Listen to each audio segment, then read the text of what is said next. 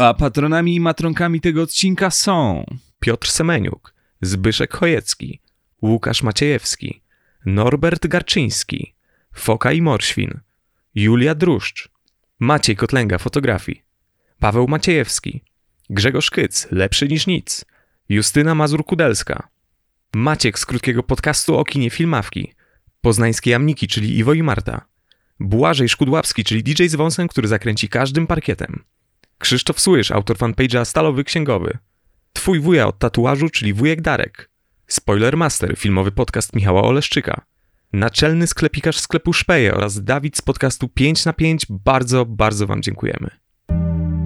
Podcast Tex. Podcast o latach 90. i zerowych.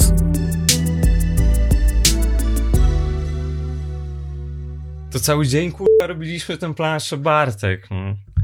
Ej, to, bo to już się kameruje. Ej, dobra, coś, coś powiem z głowy. E, panie Marcku, ja mam taką prośbę. E, proszę mi wymienić e, 48 pierwszych autorytetów moralnych Tomasza Lisa, jakie przychodzą ci do głowy w tym momencie. Tak po prostu, Mhm. z, z, od strzała. Tomasz Lis, to jest, sądzę, że pierwszy. e, drugim byłby pewnie też Tomasz Lis i trzecim też. A potem być może by wszedł Jan Paweł II, ale to tylko być może. Ale trzymając się J, Jan Paweł II, Jankowski Henryk Prałat, prawda? Mhm. Więc jakby Tak. Jadczak Szymon nie, nie, niekoniecznie, Nie. jeszcze do tego przejdziemy. Myślę, z całym szacunkiem dla pana Szymona, myślę, że na, na tę listę by się nie załapał. to jest tego sporo, prawda? Jest tego, e, jest tego sporo. e, I jakby to bardzo mocno widać w książkach Tomasza Lisa, które, które, które czytaliśmy na potrzeby pierwszego odcinka i które czytaliśmy, albo może którą czytaliśmy na na potrzeby drugiego odcinka, dlatego że poddaliśmy się w którymś momencie e, i stwierdziliśmy, że nie ma w ogóle opcji, żeby przejść przez ten, e, przez to, przez to jakby zmielone, e, lipkowe e, myślenie, po prostu jakby władowane w jakieś tam 200 stron po prostu i sprzedawane raz po raz jako inna książka, która tak naprawdę, tak naprawdę jest jedną i tą samą książką. E, no, no, y, jakby, więc musimy powiedzieć tak. Na potrzeby tego odcinka przeczytaliśmy em, nie wszystkie książki Tomasza Lisa, które wyszły w okresie, który omawiamy, e, tylko, tylko, tylko ich część, e, ale ta część absolutnie wystarcza. Szczerze, gdybyście chcieli wiedzieć, jakby co i o czym i dlaczego Tomasz Lis pisze w swoich książkach z lat 2000-2010, to wystarczyłoby zajrzeć na jego Twittera, bo, bo te treści się w dużej mierze, w dużej, się, w dużej mierze się pokrywają, nie? Ja byłem e, kilka godzin temu na Twitterze Tomasza Lisa. Podejrzewam, że nie tylko ja, bo prawda jest znanym Twitterakiem. E, I Tomasz Lis postawił taką diagnozę, że e, za Tuska to dolar to tam proszę pana dwa, a teraz jakby w okresie takich, a nie innych rządów to pięć.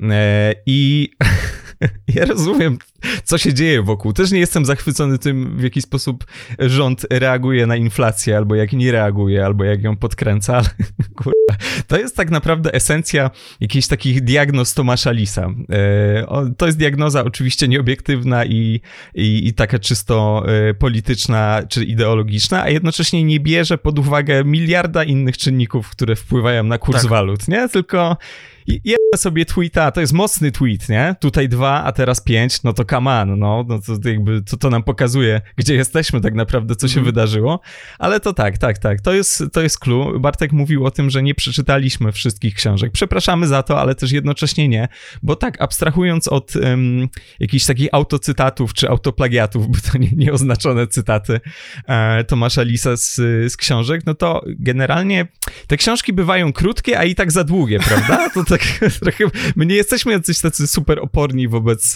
wobec czytania, nawet, nawet lubimy czytać, że tak powiem, za nas obu, ale kurwa mać, i na, na ile stron można jakby rozciągnąć cztery myśli? Tam Tomasz Lis raz się wypowiedział, że co z tą Polską e, właściwie można zamknąć w trzech pojęciach. No i jakby that's it, panie Tomku, dokładnie tak. Dlatego też Twitter tak naprawdę, shitposter czy nie, Twitter jest dla niego w takim razie i dla nas idealnym medium, bo Tomasz Lis może się po prostu, wiesz, streścić Tak. w końcu.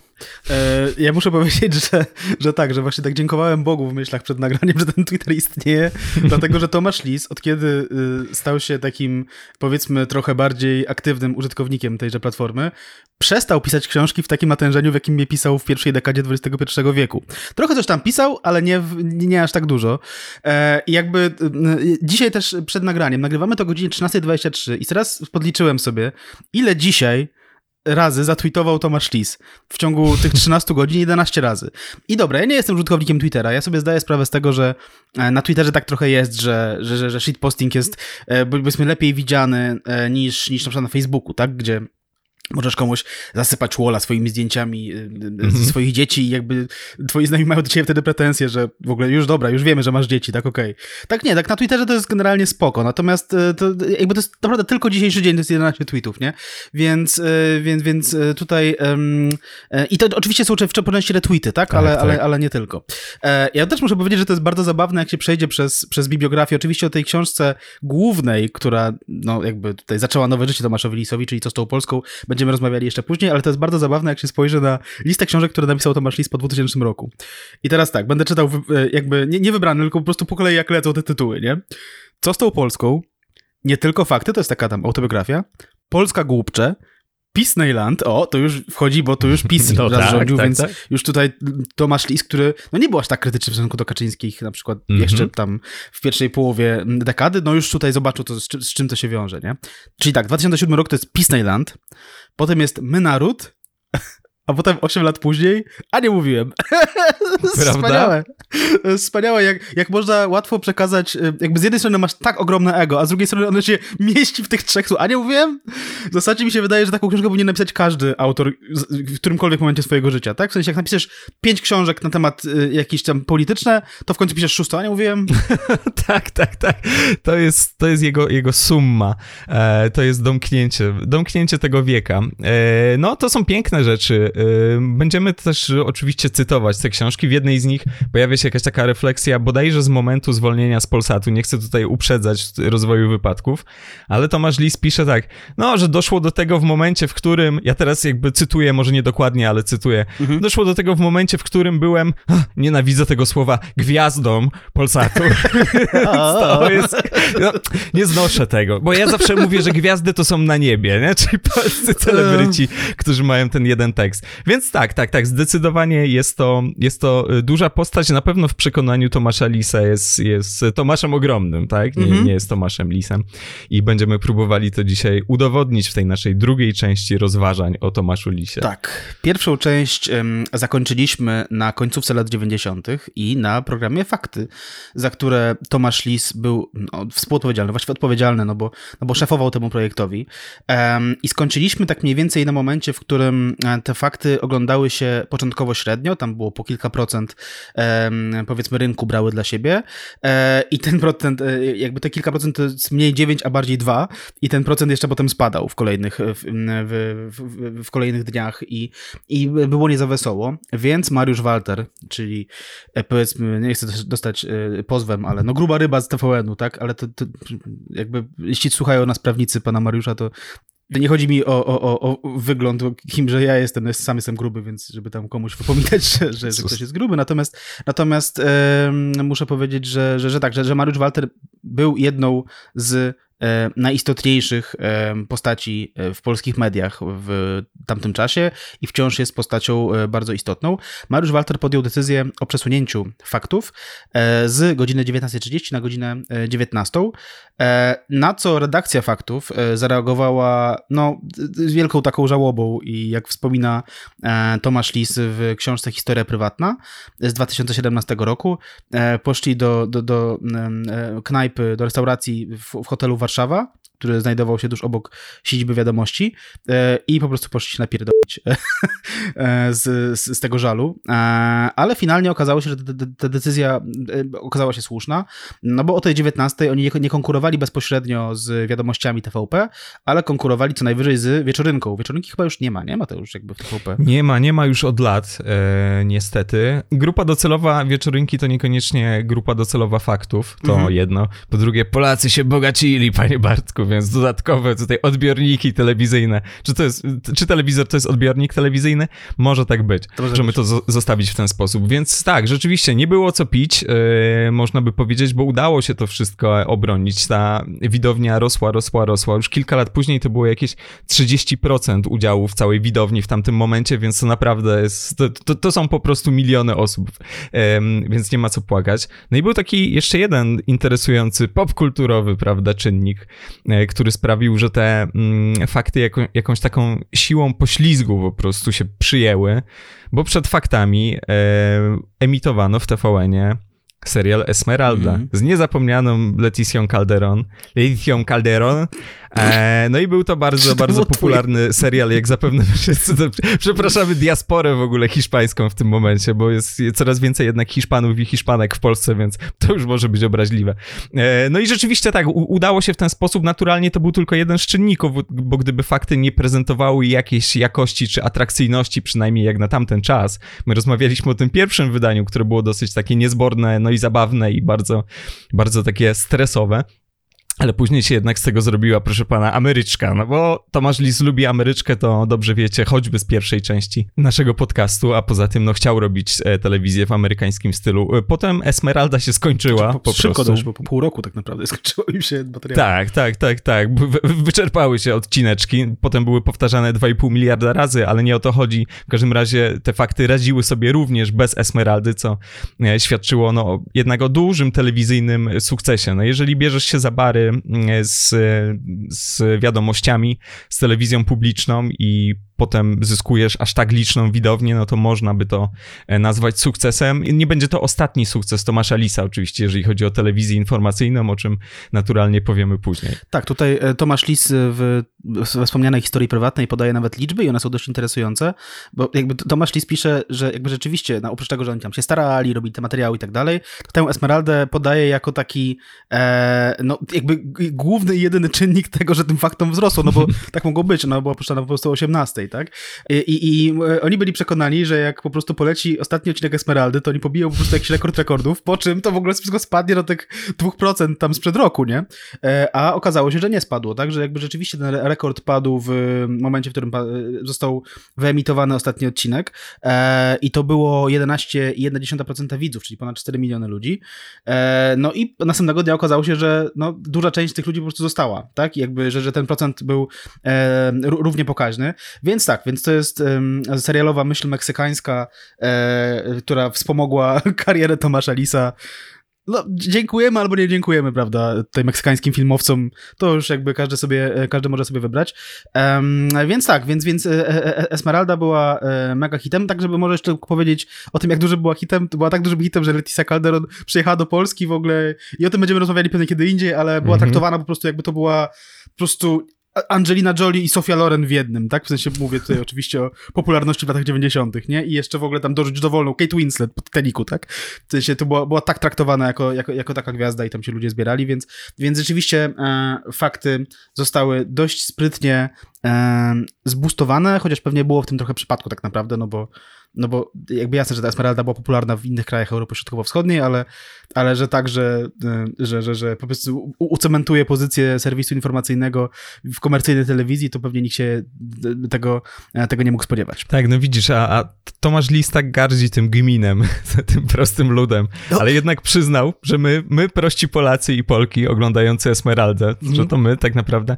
E, wiadomo, tak, było kilka innych czynników, no pojawiło się tam kilka y, takich dużych dużych medialnych osobowości jednak trzeba przyznać. E, między innymi Tomasz Sekielski, mhm. co e, prawda łączy się z najnowszymi wydarzeniami i wypadkami. E, o Tomaszu Sekielskim Lis pisał przecież e, w miarę obszernie, e, a na pewno ciepło swego czasu, bo pisał o nim jako, jako o takim jakimś swoim, powiedzmy, no nie wiem, moim trudnym dziecku, to jest mhm. dokładny cytat, tak? Świetny reporter po polityczny. Czasem, gdy uznawał, że go nie dopieszczają i za mało kochają, był nieznośny, no ale potem Lis wychwala pod niebiosa Sekielskiego, więc kilka takich postaci tam było, bo to rzeczywiście była jakaś tam nowa jakość, a jeszcze nowszą jakość jakością było pojawienie się TVN24 i faktycznie to jest jakiś taki czas, e, gdzie naprawdę życie to medialne zacznie puchnąć od wielkich wydarzeń, Mhm. nie? Bo mamy, co, wchodzimy do NATO, co tam mamy, mamy 9-11 przecież w 2001, e, w 2004 wiadomo, wchodzimy do Unii, no było tam dużo rzeczy, aha, no i jeszcze skandale w rodzaju, nie wiem, afery Rywina, więc Mhm. było tam też dużo rzeczy, które e, pozwalały jakoś e, tej telewizji informacyjnej żyć, a te wydarzenia były na tyle atrakcyjne i efektowne, że jak jeszcze to ubierzesz trochę w Ameryczkę, tu, tu, tu, tu, tu, tu muzyczka, Mhm. plansze, grafiki, diagramy, no to, to robiła się z tego, przynajmniej w naszym przekonaniu, wtedy taka zachodnia, zachodnia telewizja. No i tak to rzeczywiście przez kilka e, lat trwało w karierze Tomasza Lisa. Tak, tutaj, żeby pokazać może, e, jak blisko siebie były niektóre wydarzenia, jeśli chodzi o pewne decyzje, które podejmowano w e, ITI, no to e, w TVN24 wystartował 9 sierpnia 2001 roku.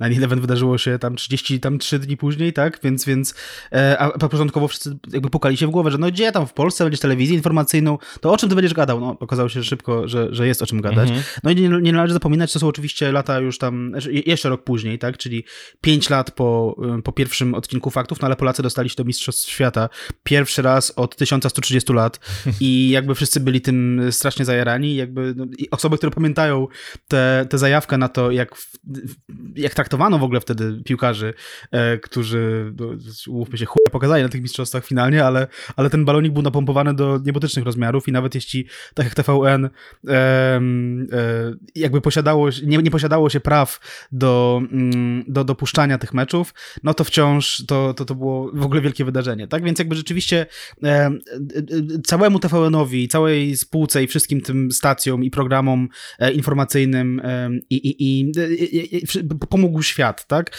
Pomogły, pomogły wydarzenia, e, wydarzenia wokół. E, No i też Tomaszowi Lisowi to bardzo pomogło, bo chociaż Tomasz Lis pisał później w swoich tam licznych autobiografiach, że zaczęło mu się tam robić ciasno w tych faktach i tak dalej. Ja mu nie do końca wierzę tak swoją drogą, w sensie, no bo to jest bardzo wygodne, jak, jak skądś cię wywalą albo, albo odejdziesz za porozumieniem stron, powiedzieć, ha, no i tak mi się w sumie to nie podobało. Tak, bardzo. tak, klasyk. Jak cię wywalało z imprezy, no nie, a w sumie to i tak się dobrze nie bawiłem, nie? No to wiadomo, że piszesz takie rzeczy, no ale mimo wszystko e, e, trzeba powiedzieć, że, że, że, Tomasz Lis dostał wtedy mnóstwo nagród, dostawał jakby co i róż, w 99 roku dostał pierwsze e, Grand Press, tak? To się? E, e, e, na pewno docenił to, że to się nazywa po amerykańsku. No? E, dostał pierwszy Grand Press. E, Ja nie do końca rozumiem, muszę powiedzieć, e, jak działają te, te nagrody, bo jakby. ja Nie rozumiem, jak działają dzisiaj, no bo dzisiaj em, Grand Pressa dostają takie osoby jak Mikołajewska, jak Knittel, jak Poczobut, nie? Wtedy dostawały takie gwiazdy telewizji, nie? W 2009 roku e, Tomasz Lis dostał trzeciego Grand Pressa, drugiego w 2007 i wtedy jakby mm, mm, to uzasadnienie brzmiało następująco. Tytuł Dziennikarza Roku przyznawany jest za profesjonalizm, pro- promowanie światowych standardów pracy w mediach i przestrzeganie etycznych kanonów zawodu. Znaczy no, to, to, to jest komun, to jest jakby taki tak ogólnikowy... Nie, Brzmi jak Tomasz Lis. Co nie? Jakby wszystko się zgadza. To brzmi tak ogólnikowo, że jakby rzeczywiście mm, nie dziwię się, że, że, że po prostu gwiazdy telewizji, które pokazywały swoje twarze po prostu przed anteną, y, y, znaczy y, telewizją, em, dostawały tę nagrodę, no ale w 2009 roku tam e, na przykład Jagielski przegrał, nie, Wojciech Jagielski, nie ten z Wieczoru z Wampirem, ale znakomity dziennikarz przegrał z Tomaszem Lisem, a tuż za Jagielskim była Anita Werner. Z całym szacunkiem dla pani Anity Werner, no jakby ja nie wiem, czy ona byłaby w mojej czołóweczce nazwisk do, do Grand Pressu w dowolnym roku, szczerze mówiąc. No tak, tak, no bo to jest y, ta rozmowa o dziennikarstwie i o dziennikarstwie, o ludziach z pierwszego planu i ludziach, którzy Mhm. gdzieś tam, gdzieś tam wydaje się są na tylnym siedzeniu, a robią jakąś bardzo ci- ciężką, po prostu rzetelną robotę, jakoś się za bardzo nie eksponując, więc y, tak, y, dzisiaj to już jest, masz rację, w kontekście Grand Press y, dużo bardziej czytelne i no stawia się jakoś tam na jakościowe dziennikarstwo, niekoniecznie na, na ekspozycję medialną. No w czasach TVN-u oczywiście Tomasz Lis się eksponował nie tylko prowadząc fakty, ale też miał swoje dalsze amerykańskie sukcesy, tak, bo przeprowadził jeszcze wywiad e, z George'em W. Bushem, którego zresztą bardzo cenił, o czym, czemu jeszcze będzie dawał wyraz e, w swoich książkach, będzie zachwycony, ale mm, e, no tak, on wspomina w historii prywatnej o, o tym spotkaniu i no i to rzeczywiście mm, pokazuje, bo też mając być może nie najbardziej pozytywny stosunek do Tomasza Lisa, być może to jakoś wyrażamy w tej pierwszej części i być może e, również w tej trwającej, no to musimy mu oddać parę rzeczy związanych, nie wiem, z jakąś tam sprawnością po prostu wykonywania swojego zawodu do jakiegoś czasu przynajmniej, tak? Mhm. I on sam wspominał o tym. Co z drugiej strony jest dosyć banalną radą, bo tutaj chodzi o wspomnienie dotyczące wywiadu i dotyczące tego, że przed wywiadem z prezydentem Stanów Zjednoczonych on spróbował jakoś tam nawiązać więź. E, wiesz doskonale i ja też, a nie jesteśmy ludźmi, którzy mają tam na swoim koncie po prostu 2,5 miliarda wywiadów że to jest bardzo, bardzo mhm. ważne, żeby przed rozmową chwilę sobie pogadać, nie? I po prostu pogadać o jakichś pierdołach, a nie wskakiwać, z, wiesz, jak za takiej szyby, nie? I że, a pierwsze pytanie, tutaj mam coś tam, mhm. coś tam. No ale rzeczywiście mm, Liz wziął tam Busha ładnie, zagadał o baseball, na którym się nie znał, ale sprawdził tam jakieś sprawy, tak? Tam nawiązał do y, obrazu namalowanego przez matkę Busha, no i tak już poszło i Tomasz Lis wspomina o tym, że gdy no ten czas na przeprowadzenie rozmowy upłynął, tam już pomagierzy Busha pokazywali, że nam zegarek, zegarek, kończymy, po polsku mówili. Panie no Tomaszu. To bardzo, bardzo dobrze tak przygotowani ludzie.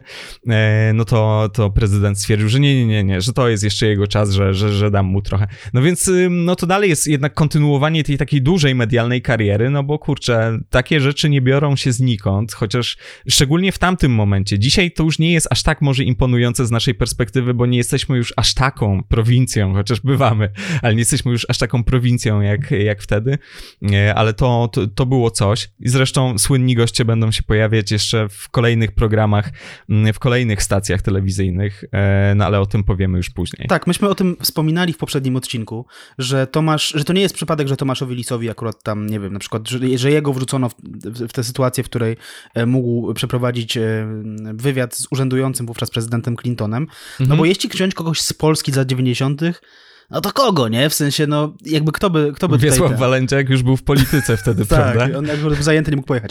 E, nie, w sensie, do kogo? No, Krzysztofa Skowrońskiego tam wyślesz? Nie wiem. Powiedzmy, powiedzmy, że prawica miałaby taką fantazję, żeby wysłać kogoś z prawicy w latach 90. E, mhm. do rozmowy z, z, prezydentem USA. No to, nie wiem, no Ziemkiewicz, tak, no, no, nie ma opcji w ogóle, nie? W sensie ci ludzie jakby nie, nie mają za bardzo uroku osobistego. Nie wiem, jak jest u nich z angielskim. Dzisiaj daliby radę i to będzie kontrowersyjna teza.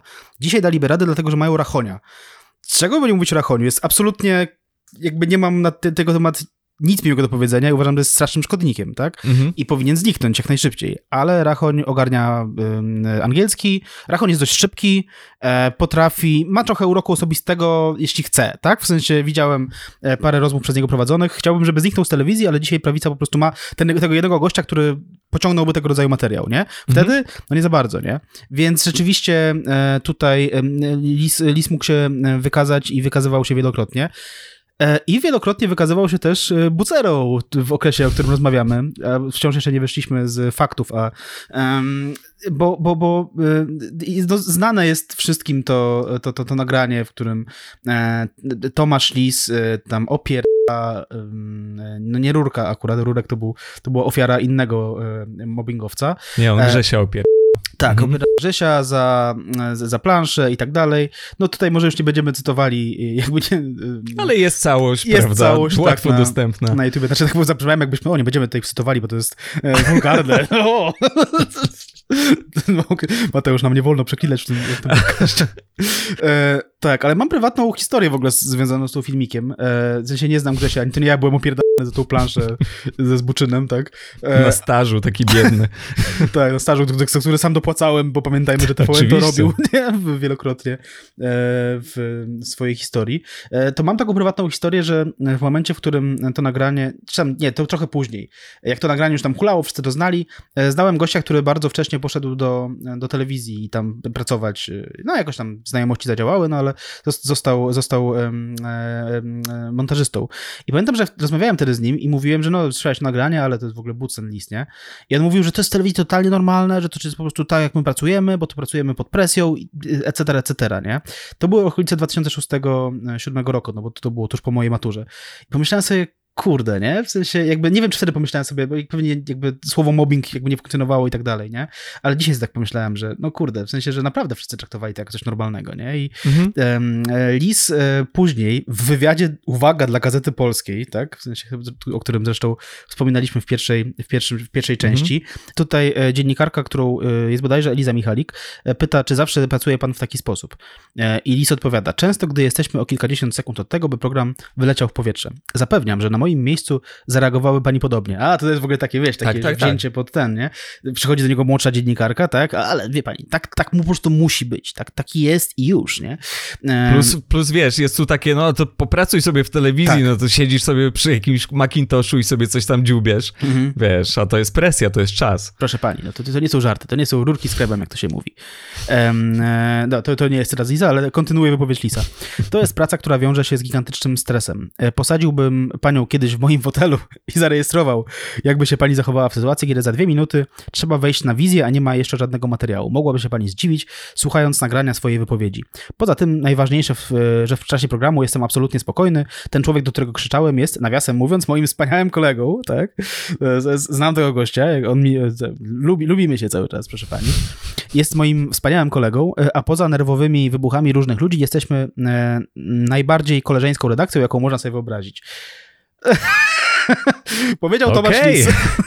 A nie, to okej. Okay. tak, no więc jakby ja to, dobra, ja to skłamałbym, gdybym powiedział, że tego nie rozumiem, no bo jakby jasne, że to jest praca pod presją i że pokazujesz swoją twarz i, i to jest jakaś tam odpowiedzialność, nie? Ale takie sugerowanie, że musi tak, tak to wyglądać i że nie ma absolutnie żadnej innej opcji po prostu tak organizacyjnie, żeby, żeby, żeby zrobić cokolwiek inaczej w redakcji, no to jest bullshit, nie? W sensie to jest jakby branie złych wzorców z zachodu najpewniej, zmieszane z trudnymi cechami charakteru i osobowości i to wszystko daje taki wynik, że potem jest wideo, gdzie gościu ewidentnie po prostu zwraca się publicznie do swojego współpracownika tak, jak się nie powinien zwracać i I, I potem jakby bez obciachu o tym mówi, że no w sumie tak musi być, nie? No, come on. no tak, tak. No, zresztą będziemy jeszcze mówić sporo o tym, e, jak dobry w wytwarzaniu koleżeńskiej atmosfery w późniejszych latach był, hmm. był Tomasz Lis, ale mm, to jest jeszcze czas, e, w którym Tomasz Lis ma taką dosyć sympatyczną twarz, gębę w sensie wizerunkowym, e, nie, nie obrażając twarzy Tomasza Lisa, bo, bo mogłaby się czuć no, jakoś niefajnie. E, no to bo jest ten fragmencik, kiedy tam mucha lata po studiu TVN-owskim i Lis się tam gdzieś cuknął i mówi, a pomyliłem się, bo tutaj mucha lata, czyli taki wiesz, nie? Taki nowoczesny dziennikarz fajny, ale jak się dzieje coś takiego, to potrafi zareagować, obrócić to w żart, ale no jest, jest dobrze. No taki to jest, mm, to jest czas. A może wiesz, to tam też zmroziło ludzi za kamerą i tam po prostu 30 osób poleciało leciało po tej musze, jak, jak mogliście wpuścić muchę tak, do studia, co to jest nie? kurwa mucha, no. E, I trzeba tu, panie Tomku, to jest owad, który, e, więc i, i wszystko, chłop z jakimś atlasem. Tak, Stefan Niesiełowski ściągnięty, wiesz, w ostatniej chwili do studia, żeby poopowiadał o tym, bo się na tym zna i tak dalej. No. Więc różnie mogło być. Na pewno jest to czas, Bartek, robię, robię teraz płynne przejście. Na pewno jest to czas, w którym Tomasz Lis poznał prawdziwe ABC dziennikarstwa, mm -hmm, prawda? To prawda. Bo taką, ta, taką książkę w kolabo e, popełnił e, wspólnie z Mariuszem Ziomeckim i Krzysztofem Skowrońskim. Mówiliśmy już o tym, że to jest jakiś tam, prawda, chichot historii, e, bo wspominaliśmy o, ty, o tej pozycji w pierwszej części.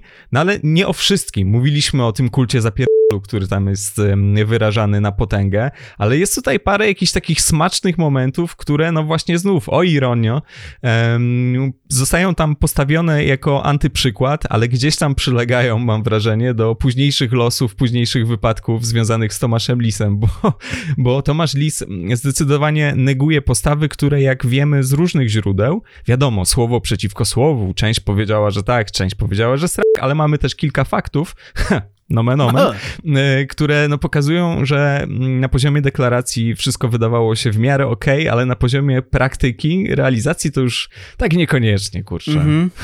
Tak, myśmy trochę y, mówili o tej książce, ale w kontekście y, no, kultu zapierdolu, którym, więc jakby pominiemy, chociaż ciężko jest pominąć w przypadku Tomasza Lisa wątek, powiedzmy, modelu pracy, który on sobie narzuca. Ale tak, wspomniałeś o antyprzykładach. I tutaj jest kilka takich antyprzykładów, jak, jak nie powinien zachowywać się, zachowywać się mm, dziennikarz. I na przykład tak, złodzieje są, nie? pomyślałbyś, zło, co to jest złodziej? No to jest gość, który na przykład, nie wiem, no zapierdoli ci z biurka długopis, nie, w redakcji, potem nie masz czym... Albo partia, której nie lubisz, bo wtedy to słowo było chyba jeszcze bardziej popularne niż dziś w kontekście przeciwnej Tak. partii, no. A tymczasem złodzieje. E, pisze o nich Tomasz Lis tak. Zaliczam do nich tych, którzy popełniają kryptoreklamę. Korzystając z tego, że pracują w telewizji, za pieniądze pokazują na ekranie rzeczy, których bez pieniędzy nigdy by nie pokazali. Dyskwalifikacja, czerwona kartka, wilczy bilet. Tak napisał Tomasz Lis. E, osoby związane z mediami nie tylko pamiętają taką, taką inbę, która nastąpiła lat później, kilka, Dziesięć, e, 10 lat mhm. później. E, gdy e, Tomasz Lis pokazał się w takim tekście, który nazywał się Dzień z życia Tomasza Lisa w, cie- y, i, i tam polegało to na tym, że on wspólnie z córkami tam robili sobie zdjęcia i jakby pokazali w jaki sposób tam w- spędzają ze sobą weekend. No jakaś taka bzdura taka zupełna, tak? Wiesz. Em, I Lis e, zaprzeczył, że była to współpraca, tak? W sensie, że to wcale nie jest tak, że to, że my tam robimy te zdjęcia przy pomocy e, urządzenia, które nazywa się, które o marce Samsung e, ma cokolwiek wspólnego z reklamą. I Lis zaprzeczył. Tymczasem Samsung wtedy, gościu z Samsunga, Przepraszam, przeczytam cały fragment, y, ustęp z tekstu wirtualnej Polski. Tekst reklamowy z moim udziałem? Pan chyba kpi, odpowiedział Tomasz Lis SMS-em na nasze pytanie o udział w cyklu, który jest realizowany przy wsparciu Samsunga. Ten cykl to nasz wspólny pomysł. Informuje natomiast Olaf Krylicki, rzecznik prasowy Samsung Electronic Polska. Ze współpracy na temat.pl jesteśmy bardzo zadowoleni. Koncepcja przedstawiania prywatnych dni znanych osób jest wyśmienita. Krytyka jest potrzebna, bo, bo dzięki niej każdy kolejny pomysł jest po prostu lepszy, wyjaśnia Krynicki. I ja nie wiem, czy, czy, czy, czy Olaf Krynicki spotkał się później z Tomaszem Lisem na ubitej ziemi, czy tam, czy to miało jakieś Mhm. konsekwencje. E, ja nie wiem, co tam się wydarzyło, w sensie, czy Tomasz Lis jakoś się z tego wytłumaczył, bo prawdopodobnie po prostu skłamał w tej pierwszej wypowiedzi. A jeśli, no, jakby nie wiem, czy mogę tak powiedzieć? W sensie, Mateusz, jak No uważasz? wiesz Czy co, myślisz, to że- niesamowite jest w ogóle, jak e, bardzo popularny dziennikarz i bardzo, bardzo duża firma mogą aż tak nie dogadać szczegółów tego dealu, Mhm. bo to jest komunikacyjny, totalny pierdolnik. No, e, tutaj przedstawiciel Samsunga nie ma powodów, żeby wymyślać jakąś fikcyjną współpracę, do której nie doszło, Tak. więc e, myślę, że mamy do czynienia z nieprawdą, Bartek, także, Mhm. że mogło tak być, mogło tak Chyba, być. że go tam wmanipulowano w to w jakiś sposób i no nie wiem, nie chcę tam już, już, już to wchodzić, ale tak, ale to jest jeden z tych antyprzykładów, o których tutaj e, wspomina Tomasz Lis. Em, inny antyprzykład to są geszefciarze. Finansowo jest to w porównaniu z kryptoreklamiarzami coś niegroźnego, ale znaczącego. Ludzie, którzy za parę długopisów, notes, t-shirt piszą albo mówią, co im się każe albo sugeruje. E, są i grube ryby robiące coś na przykład e, zawczasy. No jakby rozumiem, tak? W sensie jakby jasne, zgadzam się, że może dziennikarstwo nie powinno być oparte na tym, że dostajesz trochę meczu albo jakąś, jakąś korzyść i, i, i wtedy o czymś piszesz albo nie piszesz, tak? Z drugiej strony jednak mówi to jeden z najbardziej przywilejowanych dziennikarzy w swoim czasie i, e, i jakby ja rozumiem, że Tomasz Lis akurat wtedy nie miał tego rodzaju em, e, prawda em, e, rozkminek, czy, czy wchodzić w jakiś taki deal, czy nie wchodzić, ale wydaje mi się, że jak się nie zarabiało tyle co on, ale zarabiało się na przykład 1500 zł albo 1000 w roku 2003, 2002, kiedy ta książka powstała, to, to, to można było mieć troszeczkę więcej rozterek e, te- tego rodzaju, nie? No można było akurat nie być dziennikarzem, który, w, dla którego pierwsza praca to po prostu było TVP od razu tuż po studiach i, e, i któremu się nie udało tak fajnie, jak udało się akurat Tomaszowi Lisowi. Tak, to prawda. No, e, Lis w tej typologii wspomina też o PR-owcach, e, którzy oferują swoim rozmówcom jakieś usługi na boku, że no, jakaś taka wypowiedź, ja mam taką firmę PR-ową.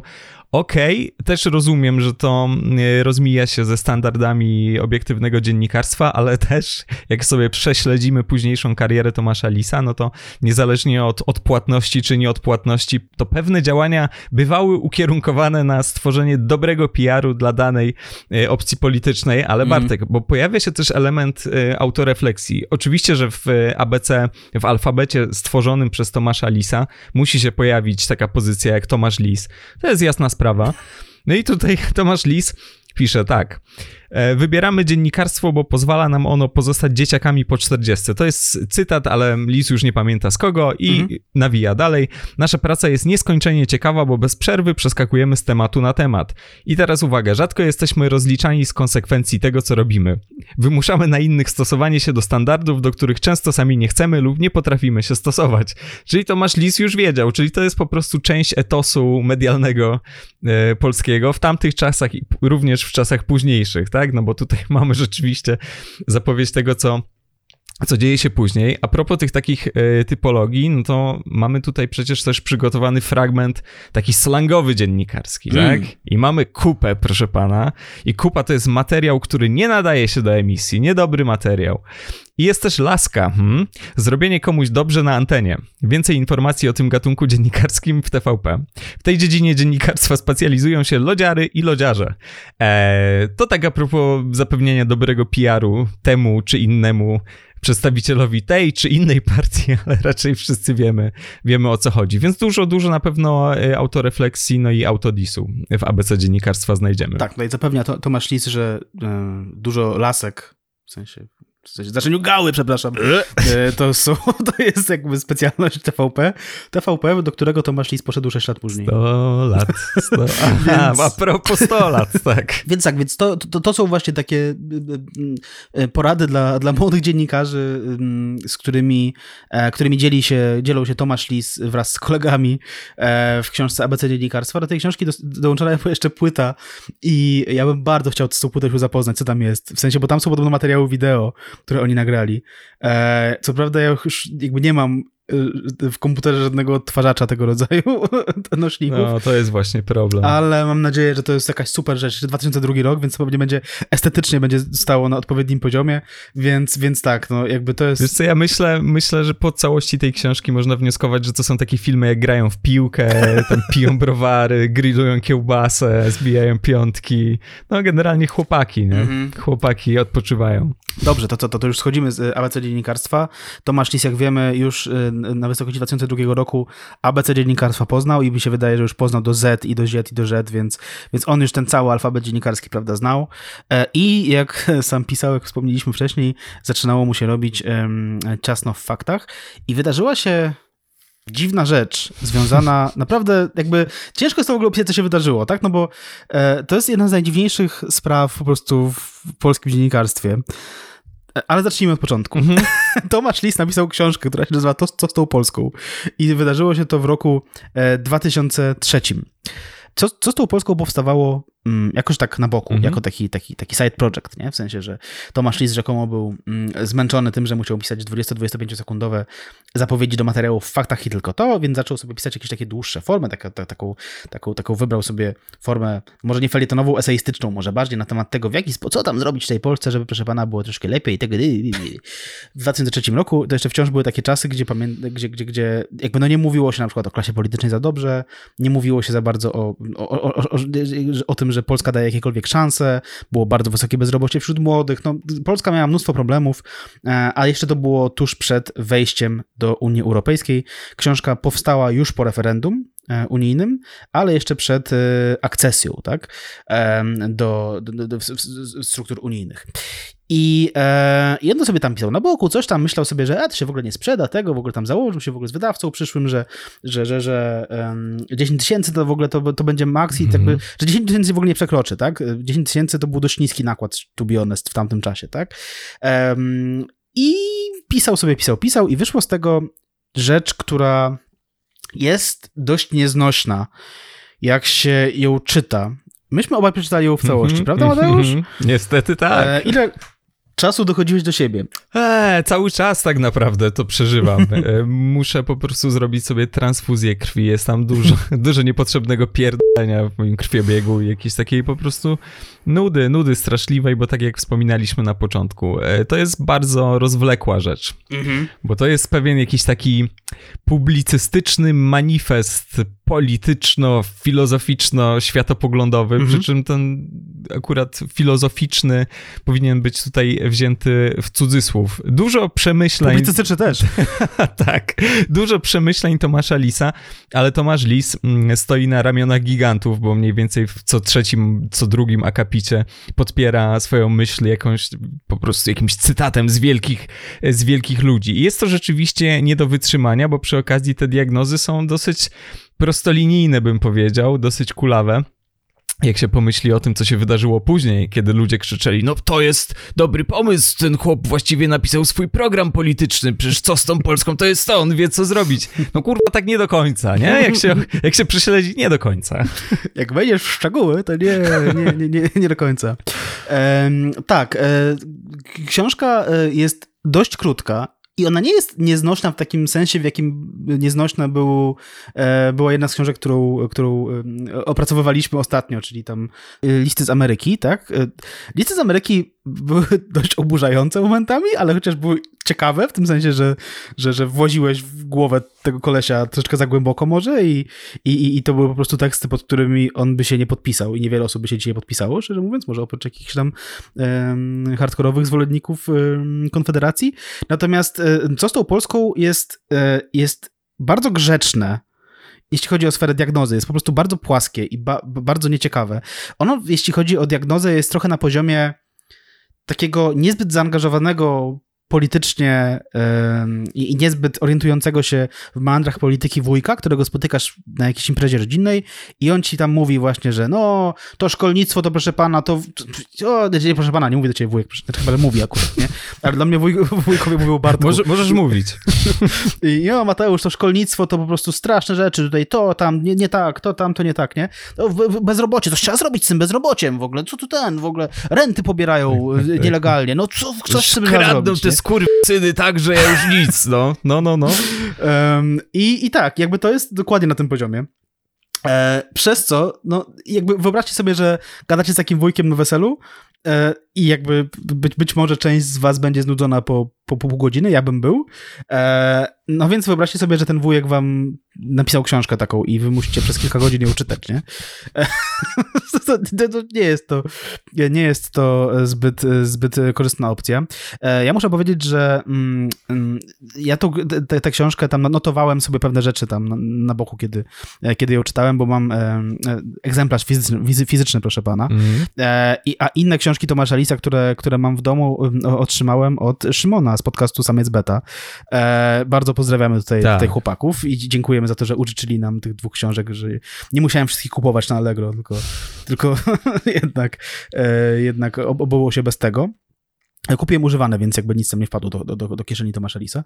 Um, I e, mm, panowie z Samca Beta też tam sobie troszkę notowali tam, ile razy na przykład się pojawia papież w, ty, w książkach e, Tomasza Lisa.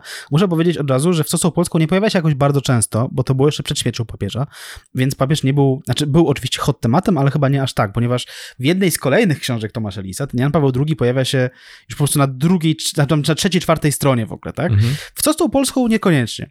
Natomiast zwróćcie uwagę na taki mały szczegół, że o ile się pomyliłem, być może jest tak, że czytam nieuważnie, ale o ile wszystko jest w porządku z moją głową, to papież w co z tą Polską pojawia się po raz pierwszy na stronie 21, a po raz drugi na stronie 37.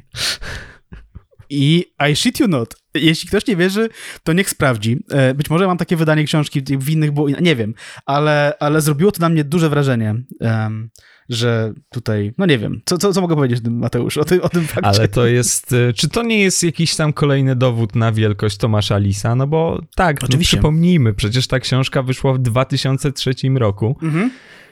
E, gdy ta godzina nie znaczyła jeszcze dla nas tak wiele, prawda? A nie była, nie była też memiczna, po prostu była przypadkowa zupełnie. No właśnie, czy rzeczywiście? A może to jest dowód w jakiejś większej sprawie? Nie będziemy się w tym grzebać oczywiście, bo nie mamy pieniędzy na procesy o zniesławienie.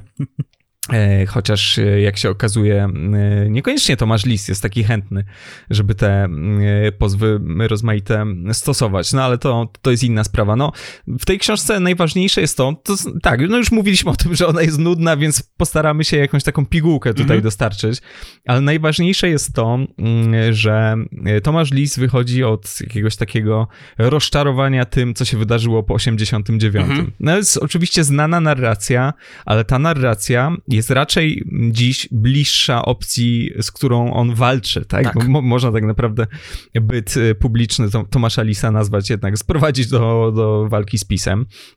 Ale Lis pyta, no przecież było tak dobrze, był ten entuzjazm w nas, jakiś taki napęd po prostu, dlaczego to wszystko spieprzyliśmy i przy okazji rozważa to z różnej strony, też w kontekście lustracji, tak? Opowiada o tym, że jego pogląd się na to zmienił, że kiedyś, kiedyś nie był fanem, bo widział tych po prostu potencjalnych lustratorów i, i, i widział ich jako jakichś, jakichś takich fundamentalistów.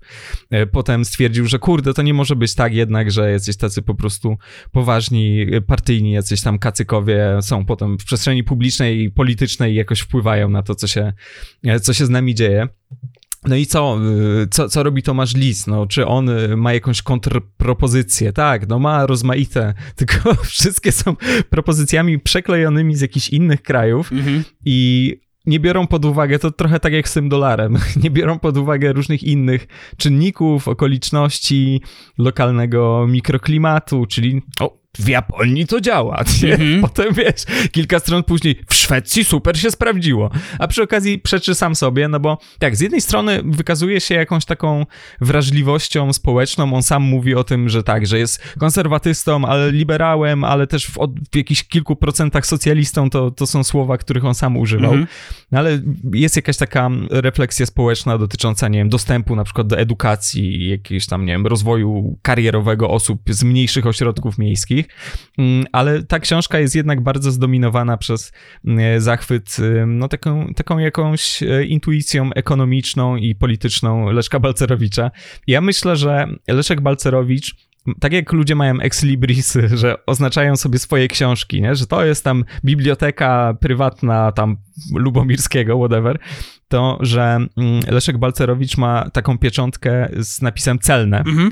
I on, jeżeli miał papierowy egzemplarz, a zakładam, że miał papierowy egzemplarz, co z tą Polską, to to jest całe zajebane po prostu tym tuszem, nie? No bo to jest tak, tak, tak, tak, tak, tak, tak, tak. Jak najmniej państwa, jak mhm. najmniej państwa, bo to jest też e, jednak książka, w której Lis bardzo dużo mm, miejsca poświęca refleksji dotyczącej e, kapitalizmu i ten kapitalizm mm, w wyobrażeniu Tomasza Lisa musi być troszkę konserwatywny ale przede wszystkim ma być wolny od jakiegoś takiego, wiesz, po prostu czujnego oka państwa, tylko e, lecimy i momentami, myślę, że te fragmenty trzeba zacytować, momentami leci po prostu full Corwin, no bo mm -hmm. inaczej się tego nie da nazwać. Tak, tutaj y, dosłowny cytat z książki Tomasza Lisa e, na temat, y, powiedzmy, ustroju gospodarczego. E, mniej państwa, mniej władzy urzędników, mniej regulacji i koncesji, mniej arbitralności. Kropka. Więcej wolności, kropka, więcej nadziei. Um, no więc tak, no jakby w tym, w tym cytacie, w tym, tym fragmencie rzeczywiście um, zawiera się duża część, um, co z tą Polską. Wspomniałeś tutaj o o, o, tych takich rozwiązaniach, które, które Tomasz Lis chciałby przeklejać, żeby było lepiej, nie? Mhm. To ja tutaj, ja może też tutaj jakby no przeczytam e, fragmencik um, dotyczący no właśnie tego, co, jakie rozwiąza- jak, co tu można było z tą Polską zrobić, no nie? Albo inny pomysł, pisze Tomasz Lis. Wiadomo, że obywatelskie zaangażowanie ludzi jest najmniejsze w miejscach zmarginalizowanych przez społeczne przemiany. W takich wypadkach potrzebna jest pomoc z zewnątrz. Dzięki niej lokalne środowiska mogą się odrodzić. Na przykład w Japonii i Ameryce funkcjonuje instrukcja Service Credit. Ochotnicy pracujący charytatywnie są opłacani godzinami pracy, innych na rzecz ich samych. System komputerowy rejestruje pracodoby zarobione i wydane. Każdy ma własny rachunek. Pracodoby są nieopodatkowane i można je gromadzić, płacąc im na przykład za usługi medyczne. No świetny pomysł, panie Tomku, naprawdę fantastyczny. To jest to, co wcale nie jest tak, że ten pomysł jest troszkę upokarzający dla części osób, których nie stać było. No, no super, ekstra naprawdę sprawa. E, jeśli chodzi też o rozwiązanie, na przykład tutaj Tomasz Lis jest, okazało się, był wtedy, nie wiem czy wciąż jest, e, zwolennikiem jednomandatowych okręgów, okręgów wyborczych, czyli, czyli JOW-ów. Ja nie wiem, czy on sobie dzisiaj ten, jakby podaje rękę z Pawłem Kukizem w ogóle jakoś tak super chętnie i, mhm. i, i czy jest super fanatykiem i, i jakby i co mówił, kiedy było referendum na ten temat w Polsce. Przypominam, że było takie referendum parę lat temu. E, no, welp. E, więc tak, więc to są, to są, to są tego, typu, e, tego typu rozwiązania. W ogóle czasami, czasami wydaje mi się, że Tomasz Lis trochę niepokojąco a, wchodzi w takiego, jakby w powiedzmy taką personę super fana kapitalizmu, który zarazem nie jest największym fanem demokracji. I jakby, nie wiem, wydaje mi się, że, że, że on ten pogląd już też zmienił. Tak przypominam, że to jest książka, która jednak została napisana 19 lat temu, więc, więc mam nadzieję przynajmniej, że zmienił, no bo, no bo, no bo tak. E, tutaj cytuję fragmencik. Dzieje się coś złego, jeśli jedna trzecia młodych Polaków mówi, że nie ma dla niej znaczenia, czy rząd w Polsce jest demokratyczny, czy nie, gdy 16% mówi, że czasem rządy mniej demokratyczne bywają bardziej skuteczne niż niedemokratyczne, to jest błąd chyba, to miało być niż demokratyczne, tak? Y, y, mhm. Bo, bo, to nie ma sensu w, te, w takiej formie. E, I tu pisze Lis e, dalej, to skądinąd prawda. Tyle, że owej konstatacji nie towarzyszył ogromnej większości konstatujących myśl w rodzaju demokracja czy nie, niech państwo i rząd się od nas odczepią i pozwolą nam zarabiać pieniądze, rozwijać się i inwestować. Raczej sąsiaduje z nią życzenie, niech przyjdzie twardy człowiek, weźmie wszystkich za twarz i wtedy państwo da, da, nam to, co nam e, się od państwa należy. No super by byłoby, gdybyśmy wszyscy, gdyby dzieciaki machnęły ręką na demokrację i stwierdziły, dobra, tam chuj, tam chcę firmę założyć, tam demokracja, nie demokracja, w ogóle nie? Um, i też w innym punkcie tej książki e, pisze dalej e, Tomasz Lis, że trzeba pamiętać, że nie ma związku między demokracją a wzrostem gospodarczym. Jest związek między wzrostem gospodarczym a tym, jaka jest gospodarka, ile wolności zapewnia ludziom system. Kraje zachodnie są bogate, bo był i jest w nich kapitalizm, a niekoniecznie demokracja.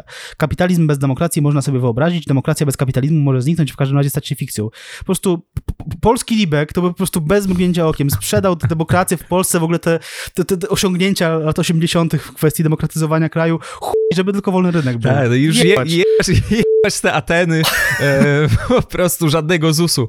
E, no tak, tak, ale widzisz, e, ty mm, użyłeś takiego określenia, że Tomasz Lis jest wielkim fanem kapitalizmu, ale niekoniecznie nie zawsze wielkim fanem demokracji. Ja też mam wrażenie, że Tomasz Lis jest wielkim fanem demokracji, ale nie zawsze jest wielkim fanem demokracji, bo to, mhm. to jakby bardzo cechuje jego poglądy, ale jeżeli chodzi o ten zachwyt i, i to takie libertariańskie przekonanie, że po prostu my to sobie załatwimy, odpierdolcie się od nas, dajcie nam e, zarabiać, to wynika z tego, że Tomasz Lis, w tamtym czasie przynajmniej, no, mm, on wyraża mm, wiarę w jakieś takie bardzo naiwne i obalane już na różne sposoby e, tezy. Wiem, że tutaj część osób stwierdzi, ja pierdolę, coś bolszewicy tutaj gadają, gdzie ja jestem, co to za podcast, ale kurczę, kochani, jakby teoria skapywania została parę razy obalona, to nie do końca działa, natomiast mhm. Tomasz Lis tutaj mówi wprost, że nadchodzi chyba powoli czas, gdy bogaci dojdą do wniosku, że mają już dość i dla siebie, i dla następnych 20 pokoleń i mogą już poważnie, a nie tylko dla własnego dobra public relations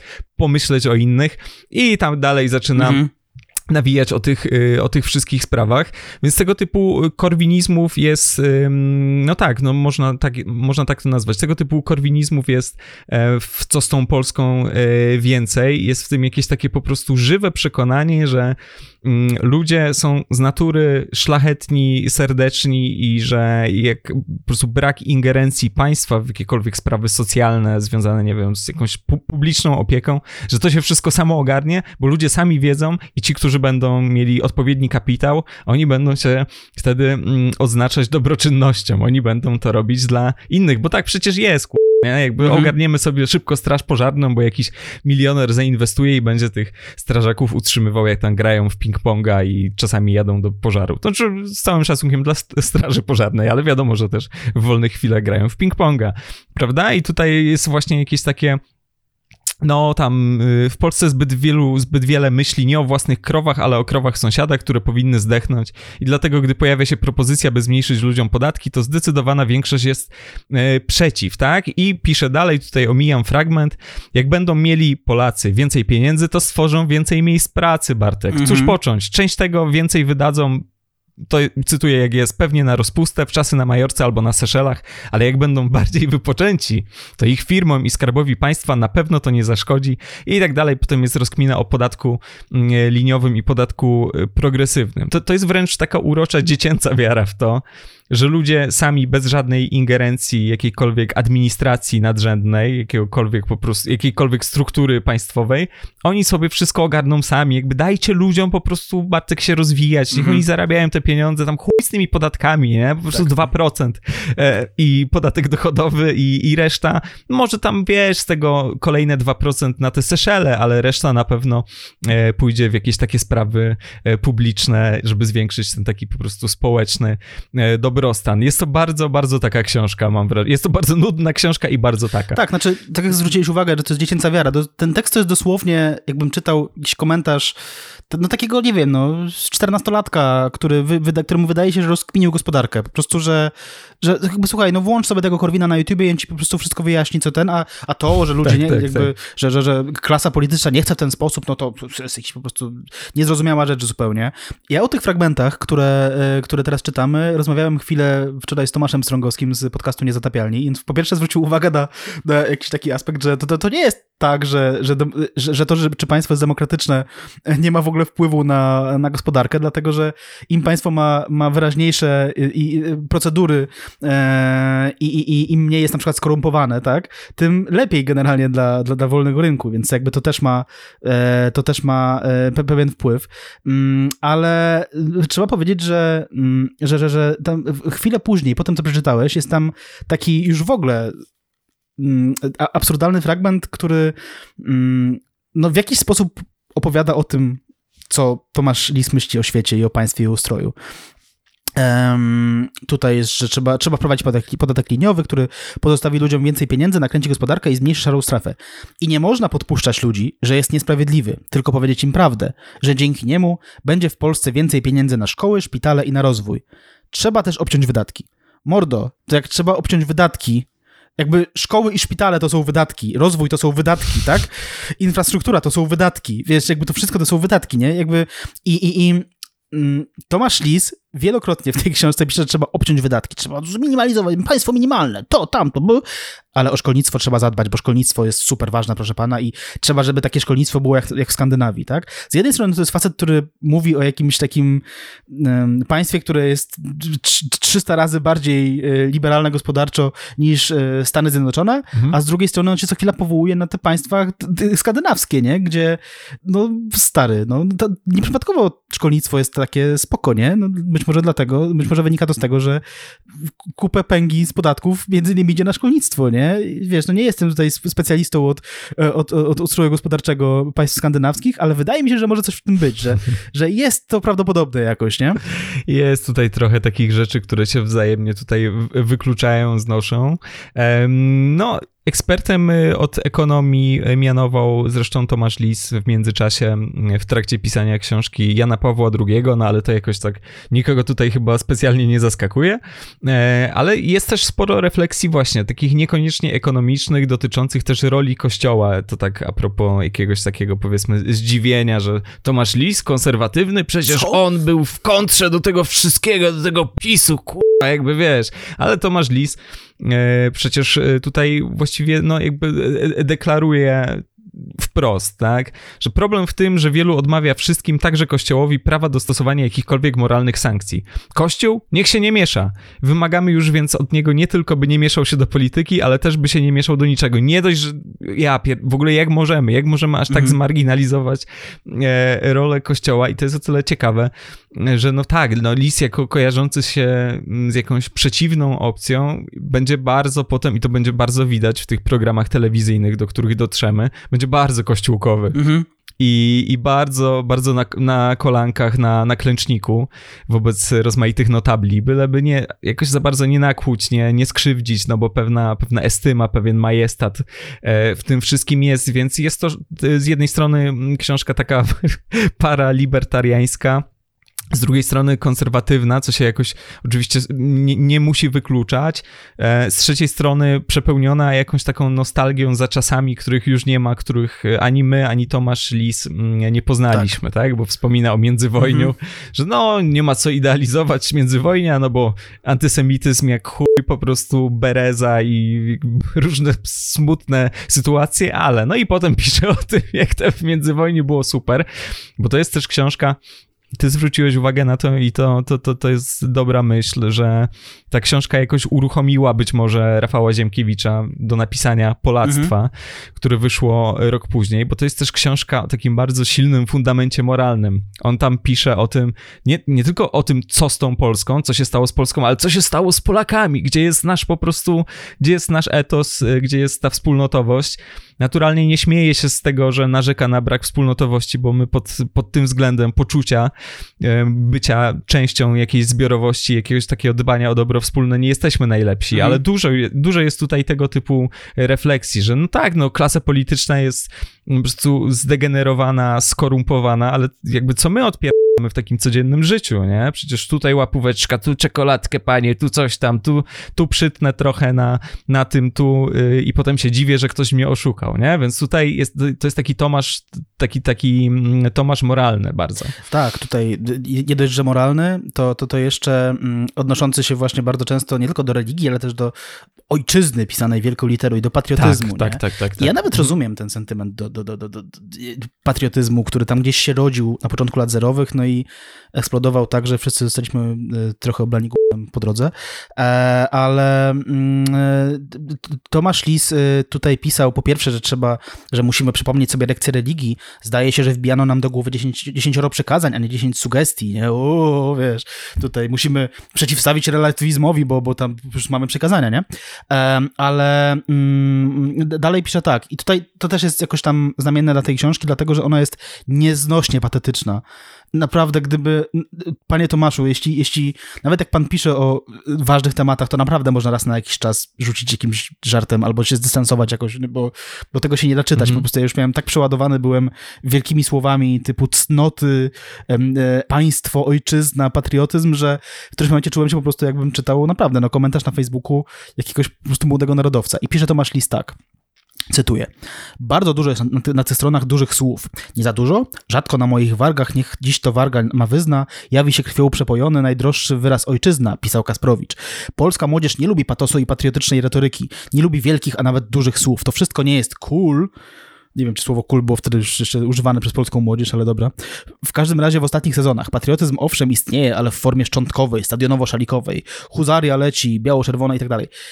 Panie Tomaszu, proszę się nie przejmować, naprawdę. Patriotyzm w takiej formie, w jakiej pan chciałby, żeby wrócił na polskie ulice, wróci zaraz, nie? Jakby wszystko będzie w porządku, naprawdę. Będzie się pan bardzo cieszył w 2011 roku, a jeszcze bardziej w 2015. Młodzież to kupiła, tak. Tak, w sensie, no tutaj jakby, nie wiem, no wydaje mi się, że Tomasz Lis już tam coś być może przewidywał, że coś się może wydarzyć, więc mógł już wtedy zainwestować w odzież patriotyczną, no bo to, to byłoby, to, było, to by się na pewno zwróciło. Swoją drogą jeszcze a propos tego, tego co wspomniałeś o, o, o związkach, co z tą Polską, z Polactwem, nie?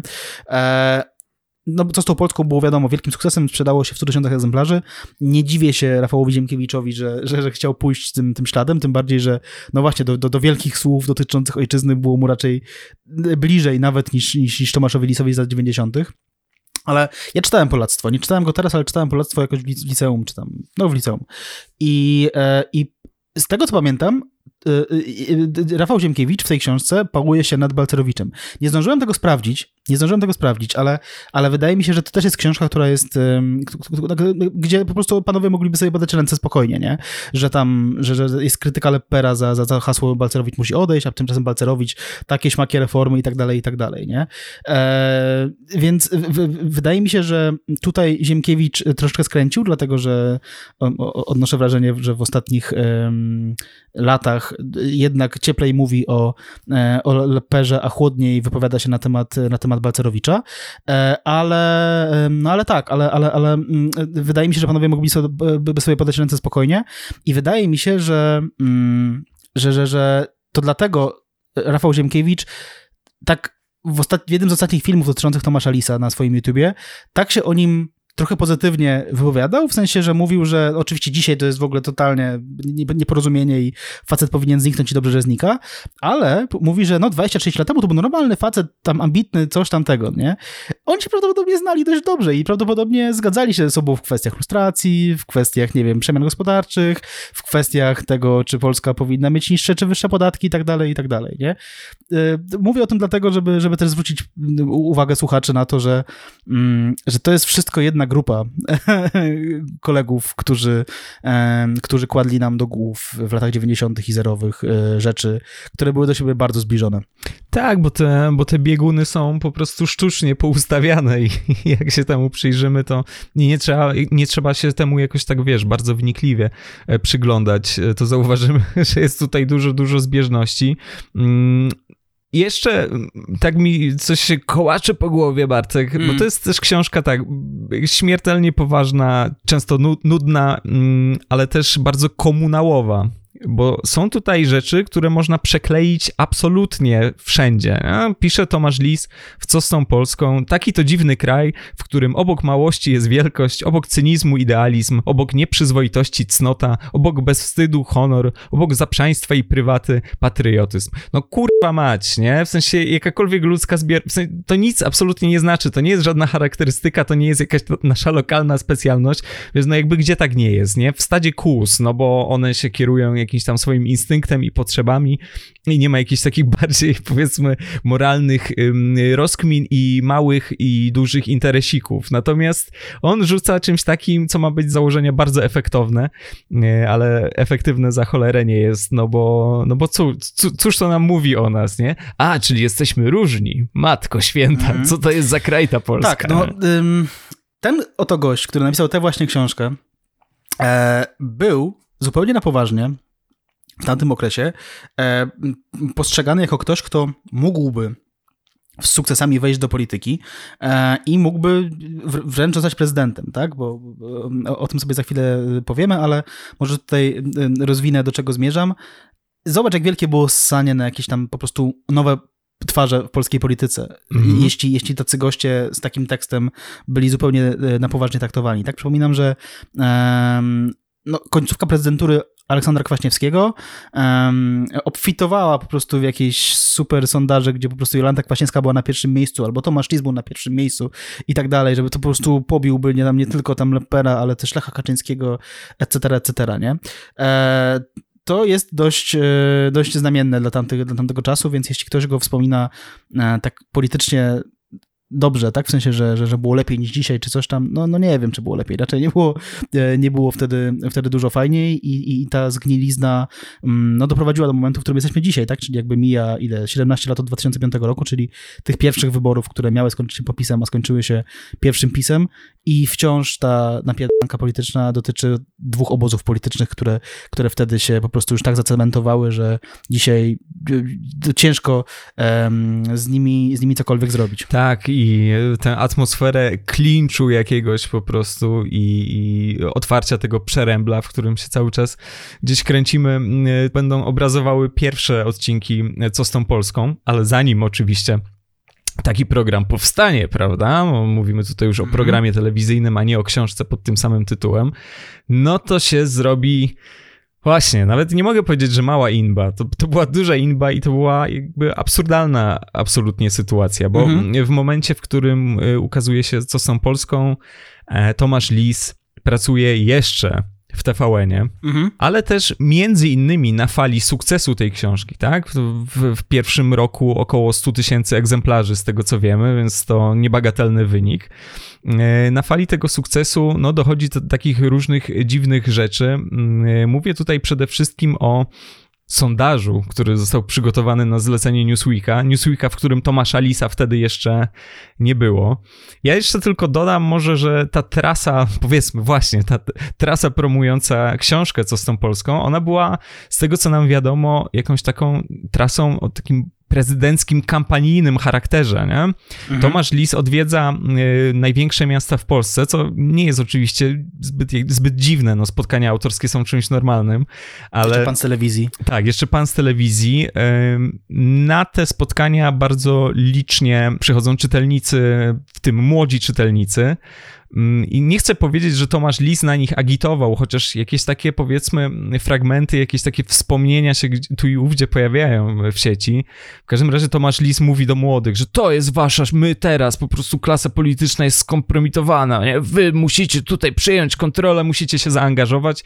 I no i praca, praca, praca, praca nad Polską, bo państwo nie jest od tego, żeby wam coś dać z góry, tylko wy musicie je zmieniać, więc to już samo w sobie wobec tego mm, sukcesu samej książki no, może budzić pewne y, oczekiwania, tak?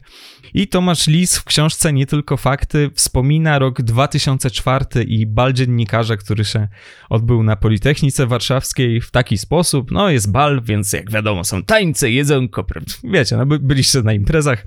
I do Tomasza Lisa podchodzi wicenaczelna Newsweeka Ewa Wilcz-Grzędzińska i tutaj mówi do pana Tomasza. Panie Tomku, jest bardzo ważna sprawa, o której muszę teraz z panem porozmawiać. Powiedziała mi szeptem wicenaczelna Newsweeka.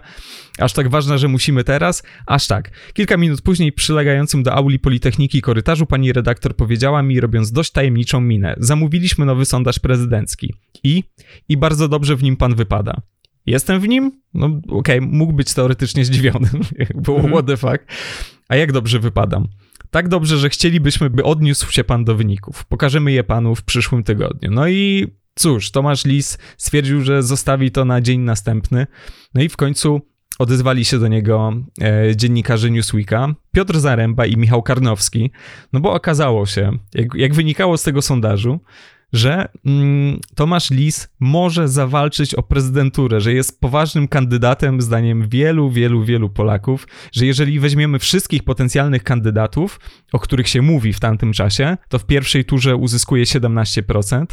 Jeżeli go zestawimy z jakimiś mocnymi kandydatami, to w drugiej turze rozbija po prostu w pył Andrzeja Lepera 80 do 20%, że wygrywa z Lechem Kaczyńskim że mm, nie podołałby tylko, gdyby w drugiej turze znalazł się z Jolantą Kwaśniewską, mhm. która by go chyba 56 do 43 teraz e, podaje z pamięci, e, by go pokonała, więc no zaczyna się wtedy gruba inba i jest to, tak jak wspomniałeś, to jest jedno z najdziwniejszych, najbardziej absurdalnych wydarzeń, jeżeli chodzi o to życie takie dziennikarskie, medialne, bo miało swoje poważne konsekwencje, a przecież wzięło się teoretycznie z dupy. To, że ktoś ma trasę promującą książkę, na którą przychodzą ludzie i mówi o Polsce, to jeszcze go nie stawia e, jednak na tym takim piedestale potencjalnym e, prezydenckim. No ale generalnie już wtedy poszło. Poszło i te spotkania e, autorskie, które, które, które Lis wtedy organizował, jakby nie były jedynym, e, jedynym wydarzeniem, które,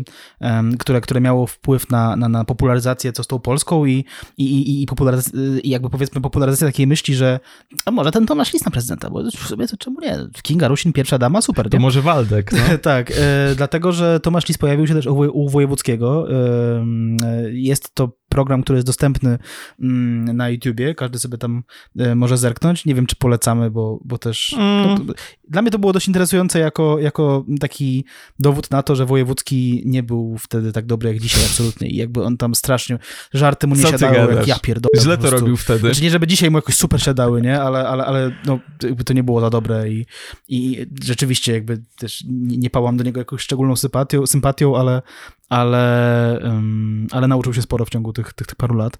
No tam się Tomasz Lis przedstawia w ogóle jako, jako, jako fan Ameryki, mówi o sobie, że jest fanem kapitalizmu w ogóle e, i tak dalej. E, i, i, I rozmawia w tym programie ze sobą dwóch kolesi koło 40. Tomasz Lis miał wtedy 30, tam, no jeszcze nie miał 40, tak? Jakby mm -hmm. pamiętam ile tam, z którego jest rocznika. E, niemniej, no tak, no on się właśnie pokazuje się jako taki młody, rozsądny, może jakaś tutaj po prostu oprócz tego, że to jest nowa twarz, czy jakaś zmiana pokoleniowa, bo wciąż mamy tych dziadów jakichś, nie? A tutaj nagle Tomasz Lis się pojawia i kurczę, kurczę czemu by nie? Um, i wydaje mi się, że w tym wszystkim jest jakiś taki, po pierwsze, dziwne mruganie do Polsatu, bo, bo Tomasz Lis tam z jakiegoś powodu w tym programie zaczyna mówić bardzo pozytywnie o Polsacie. Oczywiście w kontrze do TVP, a nie TVN-u, z którym wciąż miał kontrakt, nie?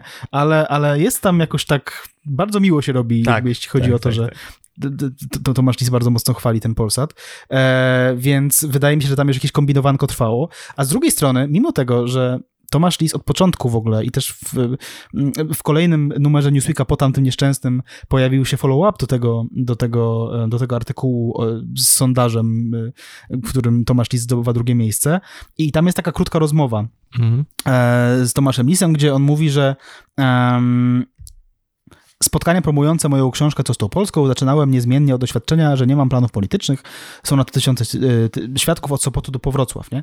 Że z jednej strony to, ale z drugiej strony um, Wydaje mi się, że Tomasz Lis trochę sprawdzał. Mhm. W sensie, no bo to jest rzeczywiście, że, że, jakby to, że to nie jest tak, że, mm, że on od pierwszego dnia mówił, że nigdy nic, w ogóle nic się nie wydarzy, nie? Nawet to zdanie, że nie mam planów politycznych, nie? No w sensie, no to okej, okay, no teraz nie mam, może kiedyś będę miał i tak dalej, i tak dalej, nie? E, wydaje mi się, że to nie było takie, takie jednoznaczne.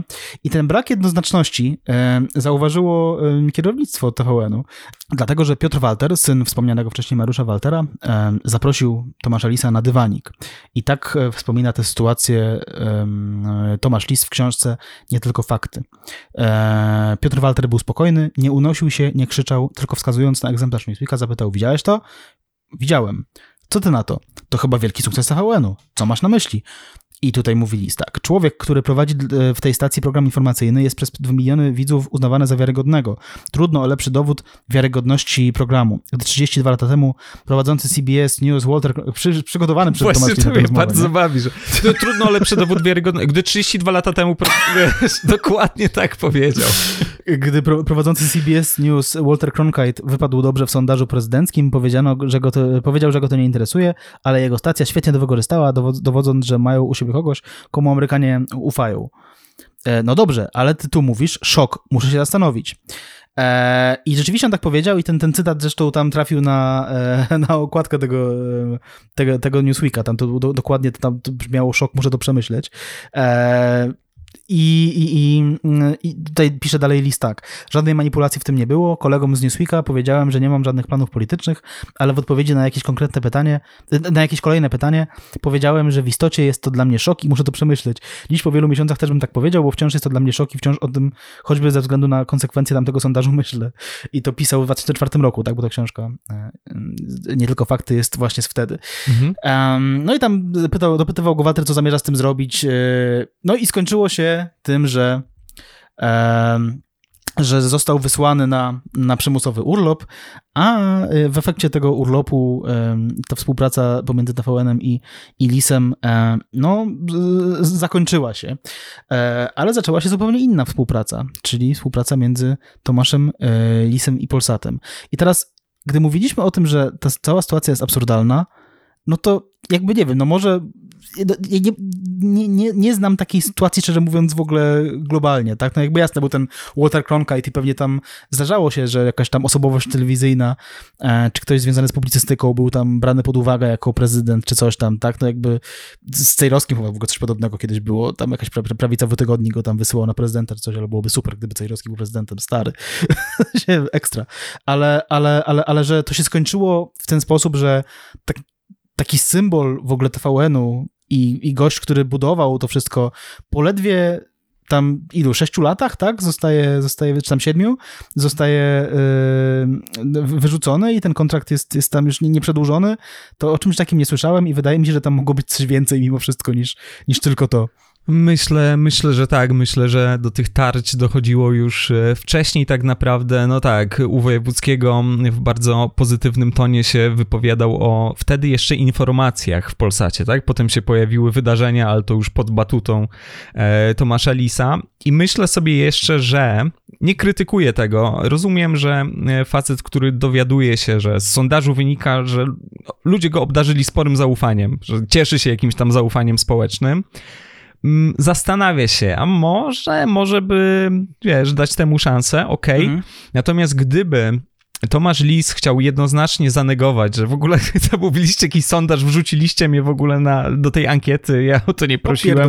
I właśnie tak, o co wam chodzi, Zaręba Karnowski, jakby przestańcie jątrzyć, to nie powiedziałby, szok, muszę to przemyśleć, bo mhm. człowiek, który pracuje już wtedy od kilkunastu lat w mediach, doskonale wie, że oni to wyciągną po prostu na mhm. jedyneczkę i że to będzie tytuł, że to będzie biło z okładki, bo to jest coś po prostu ym, bardzo, bardzo wymownego. On też wspominał o tym, że no, pomyślę o tym może za rok albo za dwa lata, więc no, wysyłał jakiś sygnał, że, że no mogę być w grze potencjalnie, nie? Mm. I mhm. gdyby chciał jednoznacznie się od tego odciąć, to by to zrobił. I nie byłoby wtedy za bardzo tej rozmowy, tych artykułów. 1 lutego 2004 to jest ten pierwszy artykuł Zaręby i Karnowskiego. Tydzień później wspomniany drugi artykuł follow-up, gdzie pojawiają się różne opinie innych polityków. Roman Giertych mnie bardzo rozbawił. Świetne pomysły. Potem miał już dużo gorsze jako minister edukacji, ale Roman Giertych w swoim po prostu y, robotycznym stylu zaproponował kandydaturę Maryli Rodowicz, ale to jeszcze pani Maryla będzie miała przecież du dużo okazji prawdopodobnie. No zostanie, dużo... ma jeszcze 60 lat przed sobą. Dokładnie, y, ale zaproponował też w tym samym artykule, pojawia się ten cytat, zaproponował też Adama Małysza.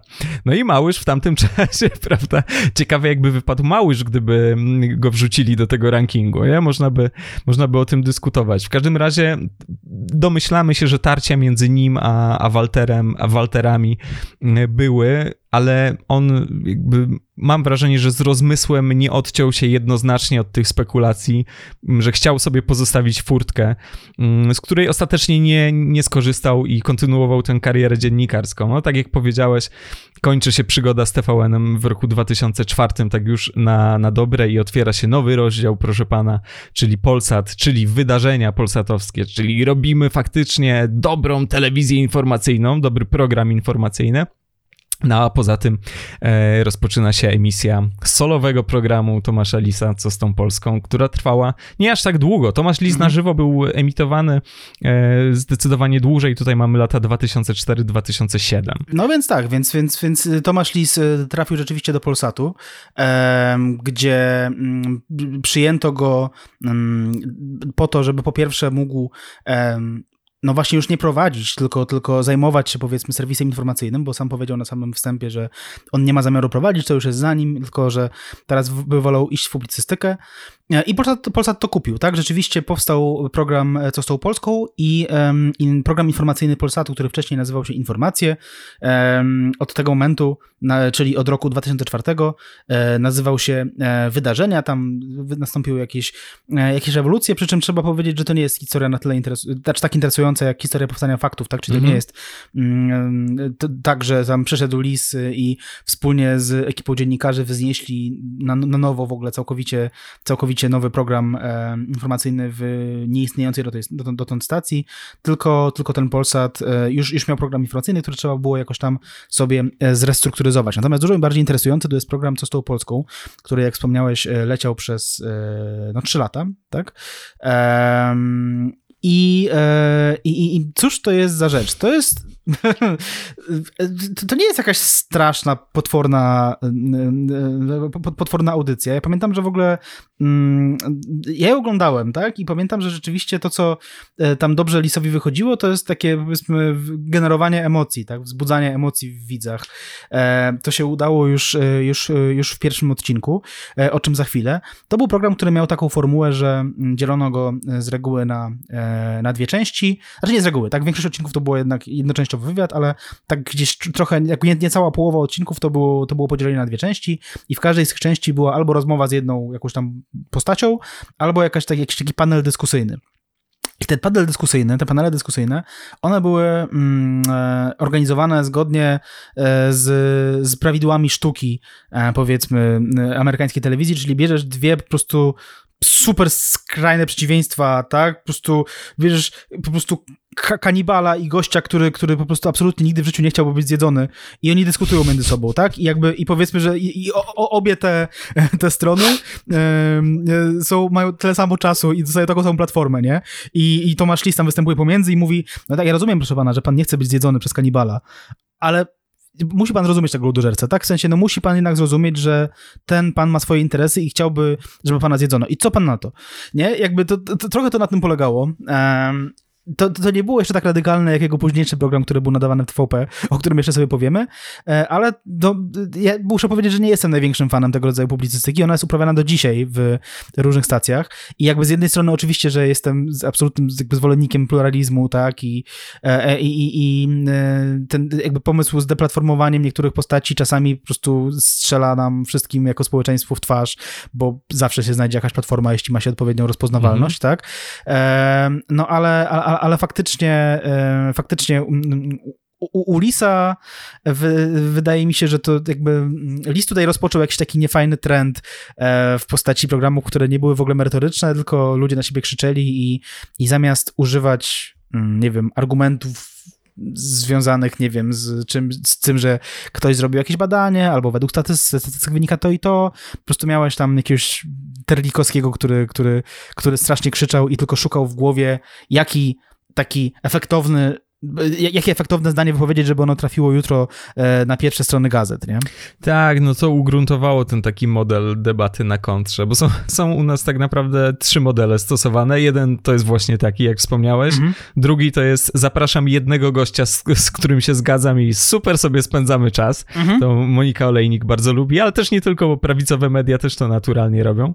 Albo zapraszam gościa, z którym się radykalnie nie zgadzam i napierdam na niego przez cały program, więc to tak u nas, jeżeli chodzi o, kulturę dyskusji. I tam też rzeczywiście mm, to było realizowane.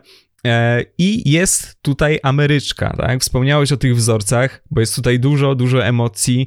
E, w tym pierwszym odcinku, w którym mamy konfrontację, to jest pierwszy ever odcinek e, programu Co z tą mm. Polską, mamy konfrontację Leszka Millera, premiera, prawda, jeszcze wówczas, i Zbigniewa Ziobry, Wiadomo, y, że rozchodzi się o ten cały konflikt, y, który rozgorzał wokół komisji śledczej w sprawie Rivingate.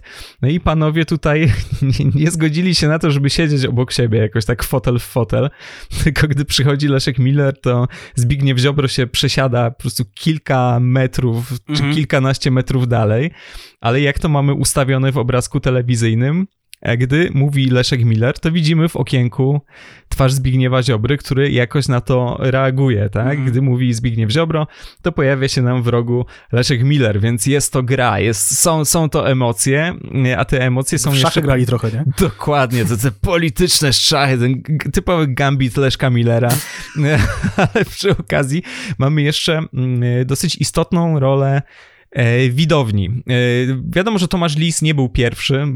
Rozmowy w toku były od 2000 roku, bo sprawdziłem, żeby się upewnić, mm, emitowane w TVN-ie, mm, ale Tomasz Lis już w pierwszym odcinku deklaruje, że tutaj ta publiczność nie będzie tylko scenografią i ona rzeczywiście się włącza. No i jedna z osób, która, która siedzi na widowni, e, mówi o tym, że panowie się powinni pojednać, że jakby jakieś takie niesnaski i tak dalej, to proszę pana w sądzie, ale podajcie sobie ręce, to będzie po dżentelmeńsku i tak dalej. Więc Tomasz Lis faktycznie reaguje na tego typu sugestie i e, mówi panom, że powinni tak zrobić. Leszek Miller zdecydowanie wetuje ten pomysł. E, I potem jest tylko ta puenta, że się przepuszczali wzajemnie wychodząc ze studia, więc jakoś tak to zgrabnie w miarę e, wychodzi. Więc jest tutaj, jest tutaj dużo emocji. Mm, to będzie kontynuowane w kolejnym programie już TV-powskim e, Lisa. No i faktycznie trafiło się paru takich gości wartości powiedzmy dosyć efektownych, nie? No bo przecież e, odwiedził to studio między innymi Juszczenko, tak? To w związku z pomarańczową rewolucją, więc byli też goście zagraniczni, no oczywiście większość gości to ta nasza klasa polityczna skompromitowana, prawda? Kaczyńscy, e, Giertychy, ale też Rokity e, i tak dalej. No to można się już domyślać, kto tutaj to wszystko zapełniał. I jeżeli chodzi o ten pierwszy odcinek, no to musimy zwrócić uwagę, bo to jakby łączy się też trochę z tym, o czym wspominaliśmy w kontekście jakiejś takiej czołobitności wobec polskiego kościoła, bo to jest dosyć oburzające moim zdaniem. W tym pierwszym odcinku, już po rozmowie Millera e, z Ziobrą, jest wywiad, który Lis przeprowadził z prałatem Jankowskim. Mhm. I oczywiście, że do niego pojechał, no bo to jest jakby za duża figura, żeby, prawda, no to jest przecież kapłan. I... Potem Jankowski przyjechał do niego, co jest zabawne. Jak no właśnie, potem się okazało, że można. A czyli, czyli jest pan mobilny, w sensie, fajnie, fajnie. Ileś lat później, tak? Mam na tak, myśli. tak. Ale to już było po rozmaitych zarzutach wobec e, Jankowskiego, tak? Przecież tutaj wchodziły bardzo poważne sprawy w grę. E, pedofilia, jakieś, no to, to oczywiście najmocniejszy z nich, ale jakaś taka po prostu e, rozwiązłość też na takim poziomie poziomie, nie wiem, wystawności życia, nie? Jakieś takie po prostu też wątki korupcyjne w tym wszystkim, pijaństwo. Tomasz Liz rozmawia z Jankowskim tak, że udaje, że zadaje niewygodne pytania, mhm. ale tak naprawdę Jankowski, który, no dzisiaj już wiemy, jest po prostu postacią odrażającą moim zdaniem i jakąś kreaturą, ale wtedy no, też sprawiał wrażenie nie najprzyjemniejszego człowieka, ale jeszcze takiego po prostu beztrosko cynicznego i, i zupełnie jakby nietykalnego. Jankowski to odbija na zasadzie, że a bo tu te, takie samochody, takie drogie samochody, a to nie, nie, to ja nie mam, to mi użyczają, ja nie mam swoich samochodów. Mm. A Lis pyta, e, a ten Jaguar, co tam e, widziałem, nie, nie, to u, użyczony i Jankowski stwierdza, ale Jaguar to nie mój styl, nie?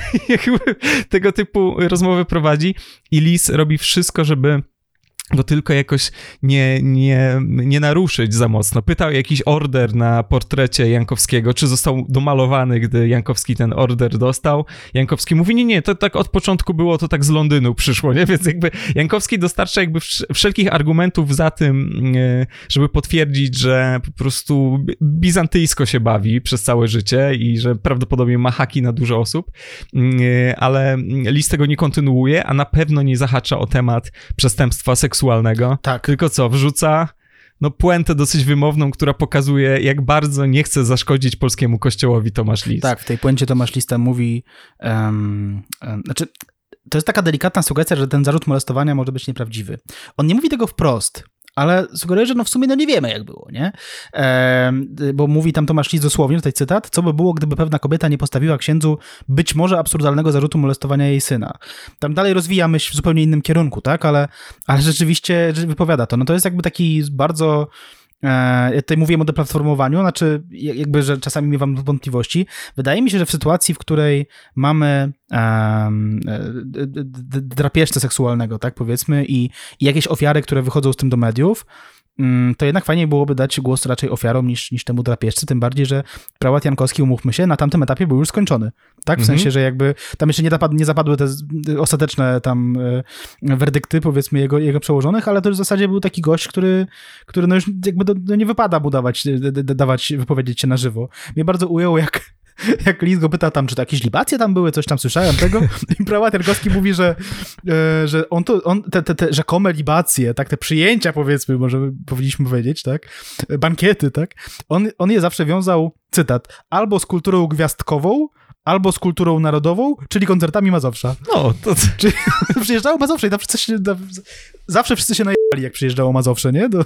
A to ciekawe, że y, Prałat Jankowski jako po prostu bohater opozycji E, antyperelowskiej, tak bardzo propsował zespół ludowy, który został wytworzony wtedy sztucznie w jakimś akcie takim, no jednak politycznym, powiedzmy, i socjotechnicznym, nie? Że to, to jakby utożsamienie kultury narodowej z koncertami Mazowsza, już pomijając jakieś właśnie takie prywatne audiencje. I, no tak, no jakie to pijaństwo, proszę pana. Pijaństwo to się zaczyna od 4 promili we krwi tak średnio, a wiesz, poniżej tego wszystkiego jest spotkanie towarzyskie i nie histeryzujmy. Trochę taki jest Jankowski w tym, w, w tym wywiadzie. No. Tak, to, to, to wszystko jest dostępne też e, w... To akurat pierwszy odcinek jest wzięty z Chomika, no to powiem wprost, szczerze mówiąc, no, to chyba już nie, nie jest piractwo drogi Polsacie, tak jak to nie jest dostępne u was na żadnej stronie i po prostu mm. to wziąłem tam, gdzie leżało, tak? I, I, jakby no polecam jako taki, taki, taki znak czasów rzeczywiście, tak? Że z jednej strony ta, ta rzeczywiście interesująca rozmowa e, Leszka Millera ze Zbigniewem Ziobrą, tak? E, i, i, to jest coś, czy, gdzie być może przypadkowo być może nie, no bo nie wiemy, czy, y, czy te, te, te, rzeczy, które mówiła publiczność Ulisa rzeczywiście była takie, takie zupełnie spontaniczne, czy nie. E, no ale jednak udało się wzbudzić jakąś taką emocjonalną puentę, a z drugiej strony właśnie ten, ten to, to jeżdżenie do Jankowskiego w momencie, w którym on jest w tym miejscu, w którym jest. Swoją drogą Jankowski, jak wspomnieliśmy, był jeszcze później w ogóle e, u Lisa, e, już w TVP, gdy, gdy, gdy Lis postanowił zorganizować panel o kondycji polskiego kościoła. Jeżeli tam jakiś tam Szymon Hołownia był, tak, jakiś tam Terlik i tak dalej. E, I oczywiście oczywiście tam Jankowski siedzi i, i, i e, w kontekście rzeczy, które wygadywał jeden z naczelnych polskich e, antysemitów, czyli Robert Jerzy Nowak, e, on mówi, nie no, to żaden antysemityzm, nie no, wcale nie, no, gdzie tam, nie? Jakby tam jak Jan, Jankowski wypowiadał się, został nagrany, gdzie, gdzie wypowiadał się w sposób antysemicki na temat Pawła Hille, mhm. to, to mówił, nie, no to już jak nie uważam, że to było coś nie, nie w porządku, nie? Przy okazji, bo oprócz, oprócz tego, że jak wspomniałeś, Paweł Jankowski nie jest za szczególnie pozytywną postacią, tak, tak generalnie, to jeszcze wydaje mi się, że że tam już wiek robił swoje i, i, i on był, to był jeden z tych takich starszych panów, że już z nimi trochę nie pogadasz, nie? Mhm. Um, I no nie wiem, no. Dzieciaki, no nie pijcie wódki, bo to ma wpływ na mózg. Tak, nie? to, to znaczy, no chyba, że, że jest koncert Mazowsza, to można Wtedy sobie trochę, można pierdolić. trochę, trochę pofolgować. Jest rajza po prostu trzy doby w cugu. E, Czterodniowy koncert Mazowsza. Nie przerwali grać ani na chwilę. tak, tak. Swoją drogą, no świetny ekspert y, tak y, do rozmowy o kondycji polskiego kościoła, to, to, to robi wrażenie. On już w tym pierwszym wywiadzie y, odpowiada na te zarzuty dotyczące antysemityzmu, że no nie, ja to w ogóle inne wiary, ja tu nie mam nic do nikogo. Alice pyta, no ale żeby, żeby w polskim rządzie byli, a to nie, nie, to, to, to rząd musi być polski. Czyli Mhm. jakiś po prostu taki, wiesz, najtańszy, jakiś taki bu- bublowy antysemityzm, nie? Czyli rządzą nami Żydzi, co my z tym zrobimy? Lis oczywiście tego nie kontynuuje. Lis słyszy odpowiedź Jankowskiego, nie, nie, nie, to, to, to w rządzie powinni być Polacy. I mówię, okej. Pytał jakiś tam generalski mundur, a to co tam ksiądz chodził w tym generalskim mundurze? A ja nie miałem takiego munduru, nic nie wiem o takiej gumie. Nie, nie, ja nie miałem takiego munduru. Nie, nie, absolutnie nigdy, nigdy. A Lis, okej. I Leci dalej, czyli robimy poważne po prostu demaskatorskie dziennikarstwo dla wszystkich, dla dobra, dla dobra tego społeczeństwa. Tak, no Lisowi w ramach tego programu zdarzało się y, jeździć, y, robić takie objazdówki powiedzmy po, y, po, po, po, po różnych osobach, które, które nosiły sutanny. Um, jak umarł Jan Paweł II, to oczywiście, że jakby pojechał tam i do Glempa, i do Rzymu w ogóle, o, coś tam siedzieli w ogóle w jakichś ruinach, proszę pana, co tam się, co tam się nie działo, to są chyba, siedzieli w Koloseum, nie? Z tego tam, Mm, tam ten, nie? Więc, więc tak. E, to jest bardzo zabawny jest program, który jest dostępny na YouTubie. E, to, był, to był odcinek, w którym, e, który dotyczył, to już było po śmierci Jana Pawła II również i dotyczył tego, że e, Jerzy Urban śmiał, e, Jerzy Urban, od razu powiem, nie pałam szcz- szczególną sympatią, nie pałam też w ogóle sympatią, więc jeśli ktoś chciałby mnie jakoś tam skleić, że jestem antykościelny, jednocześnie prourba- prour- prourbanowy, absolutnie nie jestem Absolutnie, nie, nie, nie, nie, w sensie em, Urban to też jest straszna kreatura. Natomiast, e, natomiast Jerzy Urban śmiał napisać na, na, na łamach tygodnika Nie, że tam reakcja Polaków na śmierć Jana Pawła II jest troszeczkę przesadna. Podobną rzecz e, napisał e, Teplitz, który również wystąpił w tym samym programie, e, chociaż oczywiście mniej radykalnie niż Urban, tak? Naprzeciw obu panów tam usiedli Maciej Rybiński i, i Szymon Hołownia, który też tam swoją drogą był jakimś takim jed- jednym z, ze stałych gości w ogóle u, u Lisa, którego bardzo interesowały kwestie tam wizerunku kościoła i tak dalej. No i tak, to jest bardzo zabawny program tak historycznie, dlatego że no to, że reakcja Polaków na śmierć Jana Pawła II była przesadna, no o tym świadczą, e, świadczą choćby memy, które dzisiaj powstają, tak? No jakby centralnie wtedy Kościół i, i, niektórzy politycy i publicyści no, przegrzali reaktor, że tak powiem, tak? I, Mhm. e, i, i to, to, to, wszystko jakby nie wytrzymało, tak? I, i, nie, nie wiem w sumie, jaki jest wizerunek Jana Pawła II dla, jakby wśród młodzieży, powiedzmy takiej w wieku między 10 a 20 lat, ale to są, już przypominam, osoby, które nie pamiętają papieża za życia, y, tylko znają go pewnie y, jakoś tam z memów, tak? I, i nie udało się zbudować te, te, tego mitu i, no zabawnie się to ogląda, jakby gdzie, gdzie, gdzie ten, ten, te fragmenty, w których Szymon Hołownia jest absolutnie obruszony, że można powiedzieć cokolwiek złego na temat tego, w jaki sposób zareagowano na śmierć papieża, nie? E, no, Tak, ale to jest też program, w którym doskonale widać, że e, Tomasz Lis nie chce się bawić w jakieś takie po prostu, wiesz, obiektywne dziennikarstwo typu ja tutaj prowadzę dyskusję i konfrontuję różne punkty widzenia. jestem moderatorem. Tak, jestem moderatorem tego panelu. Nie, Tomasz Lis tam jasno staje po określonej, jego zdaniem, po prostu najjaśniejszej stronie mocy. Bo tak naprawdę mamy, mm, y, mamy Lisa Rybińskiego i Hołownię w kontrze do Urbana i Teplica. Mhm. E, I tutaj już, tutaj już naprawdę jasnym się staje, że, że on się w tego typu jakieś takie okrągłości nie będzie bawił, tylko on, jeżeli się nie zgadza, to będzie się przyłączał do części gości i je w drugą stronę. To jest głos ludu, nie? Tak, a, a jednocześnie bardzo strofuje polityków, którzy używają określenia w rodzaju, no bo Polacy uważają, on mówi, nie, nie, nie, to proszę jakby w imi- imieniu milionów Polaków się nie, nie wypowiadać, jakby oni mają swoje zdanie, ale jeżeli to zdanie jest zbieżne z jego, no to bardzo chętnie powie coś takiego, nie, że, że nie, nie, bo nas, bo nas, bo my, bo to nasze przeżycia, bo to jest oburzające i w ogóle nikt tego reaktora, jak to nazwałeś, e, nie przegrzał. Tutaj już można w ogóle dostrzec w tym programie jakąś taką specyficzną selekcję publiczności. Można odnieść wrażenie, że to nie jest tak, że okej, okay, to kilka osób, jakby, nie wiem, ankietowaliśmy.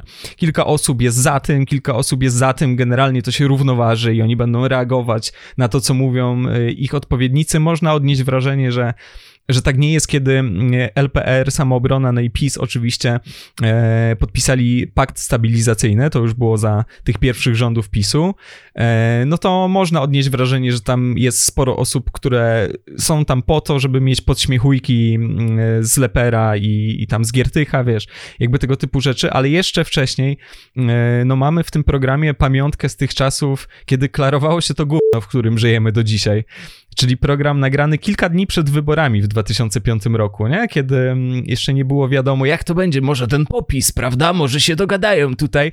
E, I kogo tam mamy? Lepera Giertycha, Jana Marię Rokitę i Jarosława Kaczyńskiego.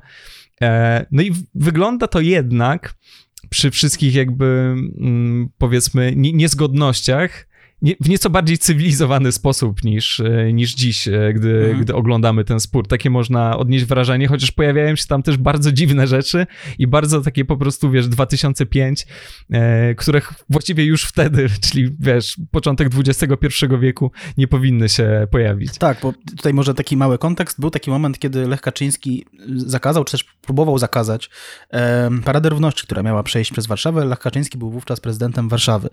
E, i, i i e, wydarzyło się coś później, czego nie byłem w stanie rozszyfrować. Jeśli ktoś pamięta co, to ja bardzo chętnie przyjmiemy taką, taką, taką informację, co tam, co tam się wydarzyło, ale na początku tego programu Jan Maria Rokita zarzuca e, Jarosławowi Kaczyńskiemu, że jego brat, który wówczas jeszcze starał się o, o, o, o mm, posadę prezydenta, tak, RP, e, że szuka wsparcia wśród homoseksualistów, że politycy PiSu szukają wsparcia wśród homoseksualistów. I tu chodziło o jakąś wypowiedź Lecha Kaczyńskiego, do której już nie dotarłem, tak, w sensie on, to musiała być jakaś wypowiedź z okolic sierpnia albo września, raczej września 2005 roku.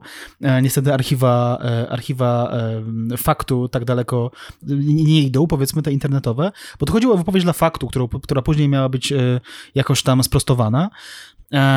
I Kaczyński protestuje natychmiast jakby na, na, ten zarzut, mówiąc, że jakby chwaląc oczywiście swojego brata i mówiąc, że żaden polityk z Polski tak odważnie i jednoznacznie nie, przeciwstawił się promowaniu homoseksualizmu i, I, że to poszło tylko i wyłącznie o jakąś tam nieautoryzowaną wypowiedź e, przyszłego prezydenta Kaczyńskiego. E, I w finale Jarosław uspokaja, że i Lech, i cały PiS to są, są przeciwko temu, że e, gej powinien móc zostać nauczycielem w szkole, tak? E, więc nie wiem o co tam poszło dokładnie, ale to jest, wydało mi się to jakoś tak bardzo zabawne, że, że to jest takie, takie trochę licytowanie się na, e, na to, kto jest większym homofobem, tak? W sensie, że Rokita tutaj zarzuca brak homofobii, po czym Kaczyński mówi, nie, nie, no co, co pan, jesteśmy totalnie homofobami, no gdzie pan, co pan tutaj mówi, nie? I jeszcze ten Kaczyński mówiąc e, o tym, że jest homofobem i on, jego brat i cały PiS uspokaja tym Giertycha. I muszę przyznać, że jedna osoba w tej sytuacji siedzi cicho i to jest Andrzej Lepper. W sensie on, on nic nie mówi, więc akurat jemu w tej sytuacji nie można niczego zarzucić, nie? Chociaż teoretycznie moglibyśmy się domyślać, jaką miałby opinię, ale tego nie wiemy. Rzeczywiście on pozostaje milczącym nie świadkiem wiemy. tej historii. Tak, to przerzucanie się tym, kto jest większym spierdoksem, to jest rzeczywiście coś, coś bardzo imponującego. No było tam jeszcze jakieś parę takich rzeczy. De debata, co zrobić, aby w Polsce nie było biedy z udziałem y, Leszka Balcerowicza. tak. Leszek Balcerowicz powiedział, że, że po prostu trzeba by cofnąć czas. Nie, nie powiedział tego, ale mógłby. Dwuczęściowy program, to, żeby oddać sprawiedliwość, tam pierwsza część to była tam debata między innymi chyba z udziałem e, Ikonowicza i chyba też Henryki Bochniarz, ale druga połowa tej, tego programu to była rozmowa tylko i wyłącznie z Balcerowiczem. Więc, więc tak, to jest e, dość, e, dość zabawne. Mniej zabawne wydają się doniesienia, które niedługo później pojawiły się w prasie, dotyczące ogólnego klimatu związanego z tym, że Tomasz Lis i Hanna, wówczas jeszcze Smoktunowicz, no, przyszli do tego Polsatu i, um, i zrobili swoje porządki. Tutaj dla dla, e, powiedzmy, żeby wszystko się zgadzało, e, musimy wspomnieć o takiej prywatnej rzeczy, że Tomasz Lis w okolicy tam połowy dekady e, wziął i rozwiódł się z Kingą Rusin i, i rozpoczął związek z Hanną Smoktunowicz i, i, i, wzięli jakiś taki cichy ślub w Rzymie w 2007 roku, o którym ponoć tam nikt nie wiedział, ani tam przyjaciele, przyjaciele rodzina i tak dalej. Nawet ksiądz udzielający ślubu. Nie, nikt nie, wiedział. Nie, nie, nie, nie pamięta w ogóle tego ślubu. Mhm. Mazowsze grało i nikt nie pamięta. Jankowski przyjechał. Przyjechał, Nikt nie pamięta. Więc tak, mówimy o tym dlatego, że, że, że to będzie istotne, że, że oni byli, by, byli razem, prawda Mateusz? Tak, to jest, to jest istotne, chociaż trzeba tutaj jeszcze trochę ten kontekst może szerzej zarysować, bo pamiętajmy jakby Polsat i Solosz e, to postać, która jednak nie chciała wchodzić w konflikt z politykami z żadnych frakcji. Mhm. Też długo było tak w Polsacie, że Solorzowi nie zależało na tym, żeby mieć jakiś dobry program informacyjny. Na pewno nie zależało mu na tym, e, żeby kogoś tutaj jakoś mocniej szczypać. I wraz z karierą telewizyjną e, Lisa i wraz ze wzrostem popularności Co są Polską, bo to był jednak dosyć popularny program przez te kilka lat, a może nawet bardzo popularny, pojawiły się pewne naciski. W 2005 roku PiS wygrał wybory. Solosz ma, znaczy Solosz Żak już dziś ma dosyć niejasną przeszłość, być może, tak, tak to można nazwać. Mm, nie podobało się mm, PiSowi jakoś specjalnie, że oto mamy takiego dziennikarza, który w nas zacznie uderzać. No bo tak, dzisiaj to już jest oczywiste, ale to jest tam ten moment, mm, gdy list zaczyna się jakoś no, z tym pisem klinczować czy konfrontować. Więc koniec końców doszło do tego, że tak, najpierw y, PiS miał przestać kierować wydarzeniami, tak? czyli programem informacyjnym Polsatu i tutaj mamy jakąś taką sympatyczną pamiątkę, bo y, Hanna Smoktunowicz, Hanna Lis 20 września 2007 roku otwiera wydarzenia. To są takie e, wydarzenia, powiedzmy, jubileuszowe, bo będzie tam materiał o tym, co się udało do tej pory, jakie wpadki, jak ciężko było, jak ciężko trzeba było pracować, żeby jakby no, zrobić fajny, fajny program informacyjny w Polsacie i e, tutaj prowadząca mówi, dziś możemy powiedzieć, że udało się. Wydarzeniami przestaje kierować Tomasz Lis. I oczywiście tutaj wyrywamy to z kontekstu, bo dziś możemy powiedzieć, że udało się, odnosi się do początku tego materiału, że było wiele stresu, wiele wpadek i tak dalej, ale intonacja, sposób w jaki, jaki prowadzący tutaj kładzie pauzę, no jakby skleja to nam w jedno zdanie, więc jest to, jest to bardzo urokliwe. Tak, tam brakuje jakichś tam e, dźwięku wystrzeliwanych korków od szampana w tle, Wreszcie, tak, ojej. No i w ogóle tak, tam e, w tym, w tym fragmencie wydarzeń, o których mówisz, które też są na YouTubie. Polecam bardzo, bo to jest ciekawy jakiś taki um, artefakt z tamtych czasów. E, w ogóle tam e, na temat Lisa pozytywnie wypowiadają się i Wołek zmarły niedawno i w ogóle Karnowski, jeden z Karnowskich, nie będę nigdy nie wiem, który, e, że, że w ogóle tam, wiesz, nie, to, to, to jest dość nie, nie, niezwykłe, szczerze mówiąc, biorąc pod uwagę tak, to, tak, tak. kim stał się Tomasz Lis i, i jakie ma dzisiaj kontakty i, i relacje z prawicą. E, no i tak, no i jakby nie dość, że tam ten Tomasz Lis e, wziął i wyskoczył e, z Polsatu rzekomo pod wpływem właśnie jakichś takich no, nacisków politycznych na, na, na Solorza i tak dalej, chociaż jak słuchałem też y, e, tego, co miał na ten temat do powiedzenia chyba Ziemkiewicz, e, to, to, to tam też była jakaś taka sugestia, że to nie o to chodziło w ogóle, że, w sensie to chodziło o to, że, e, że jakby środowisko wie, środowisko dziennikarskie, dlaczego Tomasz Lis wyleciał z Polsatu i że i że to była jakaś taka wina Tomasza Lisa, że on coś tam spieprzył po, po drodze. E, ale co jakieś plotki? No to jest, to jest ta jego oficjalna wersja, nie? Z historii prywatnej. Miało być tak, że przestaje kierować wydarzeniami, ale zachowuje swój program, e, czyli co z tą Polską. No, koniec końców stanęło na tym, że znika po prostu na dobre, tak. Ciekawe jak było naprawdę, ale to jest, to jest jego, jego oficjalny statement. Tak. No. I wraz z Tomaszem e, zniknęła z, z Polsatu wzięła i odeszła Hanna Smoktunowicz e, i, oboje przeszli do TVP. Smoktunowicz rozpoczęła pracę w wiadomościach, a Tomasz Lis mógł kontynuować swoją publicystykę e, w programie Tomasz Lis na żywo. I był czerwiec, i to był rok 2007.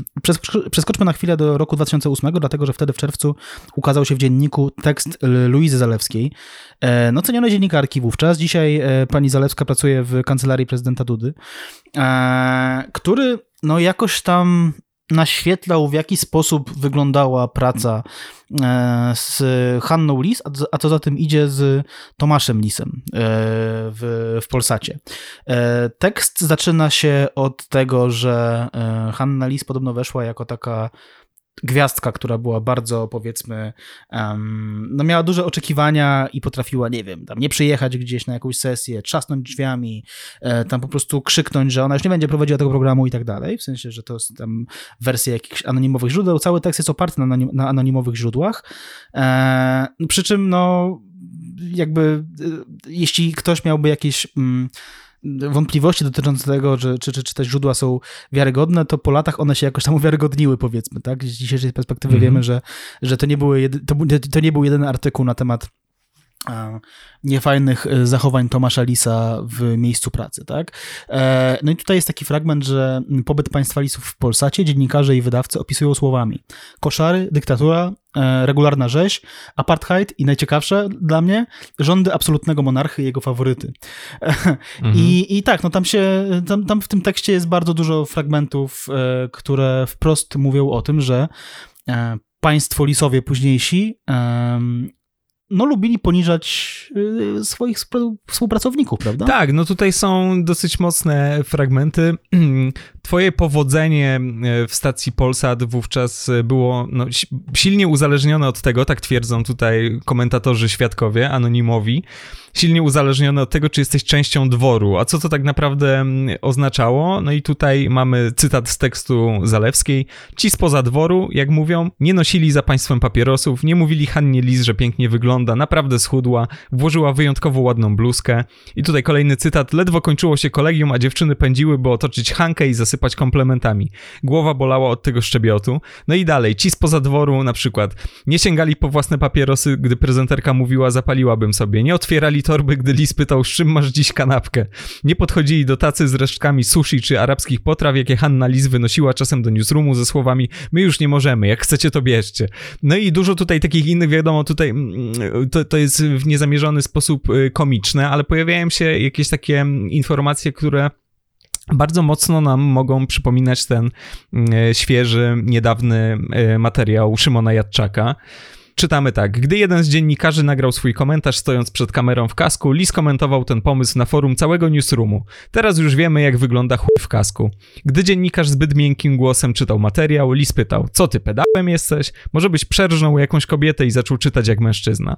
Gdy był niezadowolony, krzyczał, z chujem się na łby pozamieniałeś i podobno konfliktował się też w, w miejscu i w godzinach pracy mm, ze swoją partnerką i jest tutaj na przykład mowa o tym, że jeżeli yy, Hanna i Tomasz się pokłócili, to dziennikarz, który przygotował materiał promowany przez cały dzień przez Tomasza Lisa, jakby zaakceptowany i promowany, dostawał z jego od Hanny i dowiadywał się, że ten materiał jest e, zupełnie, zupełnie do wyrzucenia, więc no opierało się to jednak na dominacji, na przemocy, e, no i co tutaj dużo mówić, na, na schlebianiu tej królewskiej parze i na podlizywaniu się, no bo bez tego no, to byłeś jednak poza tym, tym głównym nurtem w redakcji i, i na niewiele mogłeś liczyć. Ja jestem w sumie ciekaw, jakby to było, gdyby Tomasz Lis został wtedy prezydentem, nie? W sensie, jakby, jaka to byłaby prezydentura i jakby... Jak, jaka by to była kancelaria. Jaka to byłaby kancelaria, dokładnie. Zakładam, że Luiza Zalewska nie pracowałaby w tej kancelarii. Mogło, e, tak. Dzisiaj pracuje mogło, w kancelarii prezydenta Dudy. Mogłoby się, tak, mogłoby się nie udać, by wypierdolił ten pomnik konny Poniatowskiego sprzed pałacu, bo mówiłby, że mu to zasłania, zasłania widok na ulicę. No tak, no pewnie, pewnie działyby mhm. się rzeczy. Swoją drogą, tak pomyślałem sobie teraz. E, no nie mieliśmy jeszcze prezydenta, który, prezydenta rozwodnika. Być może to dlatego Tomasz Lis tak szybko zrezygnował z tych planów. W sensie, bo by, być może wtedy coś tam się kroiło. Nie wiem, w sensie to już jest taki, jakieś prywatne dociekania, nie? Ale... A nie mieliśmy rzeczywiście. No, to prawda. Kurczę. I to miałoby pewnie wpływ jakoś, jakiś tam. Mm -hmm. I to byłaby jakaś tam aferka. Nie? Nieprzypadkowo oni wzięli cichy ślub, tak? W przeciwieństwie do głośnego ślubu Tomasza Lisa i Kingi Rusin, ale to już są, proszę Państwa, To nasze, już jest historia, nasze, nasze dociekania są już, to już jest historia. Więc tak, więc to był rok 2008, gdy powstał ten, ten tekst. Tekst, y, na który, o ile wiem, nie zareagowano pozwem. Mm -hmm. e, więc y, to zawsze daje jakieś takie podejrzenia, nie? W sensie, że jak ktoś nie reaguje pozwem, no to wiesz, no to w zasadzie mm, może się okazać, że część rzeczy, rzeczy byłaby prawdą i część świadków tamtych wydarzeń przestałaby być anonimowa tak naprawdę. Mhm. Nie? To, że oni wszyscy są anonimowi też dużo mówi o tym, jaką pozycję miał Tomasz Lis i jaką pozycję miała, miała jego, jego małżonka Hanna. E, no bo faktycznie to można to to, to bardzo przypomina opowieści o, o, o, takim dworze rzeczywiście, gdzie, gdzie, gdzie wszyscy muszą, e, muszą e, reagować tak, jak panu Tomaszowi się, e, się to podoba. I to są historie, które są bardzo zbliżone do, do tych, które e, opisał Szymon Jadczak w swoim artykule, tak? Na przykład te wszystkie rzeczy, te takie homofobiczne uwagi e, rzucane po prostu do współpracowników. No tak, no jakby tekst Jadczaka, o ile dobrze pamiętam, mówił, e, wspominał o podobnych e, sytuacjach, tak? E, że, że, że, że, że, że, to, że to nie był tylko tam na przykład taki, taki mobbing traktowany powiedzmy zgodnie z tradycyjną definicją tego, tego, tego słowa, ale też właśnie jakieś takie trochę knurskie żarty, tutaj jakaś homofobia, tutaj coś tam, nie? No taki styl po to prostu. To są nie? bardzo podobne materiały. Ja tutaj nie krytykuję niczyjego rzemiosła dziennikarskiego. To, to, to, to nie w tym sensie, że podobne, że mamy do czynienia z jakąś kopią i wklejką, tylko z tym, że po tych, e, no ilu? 14 latach e, mamy do czynienia właściwie z identyczną sytuacją, więc mhm.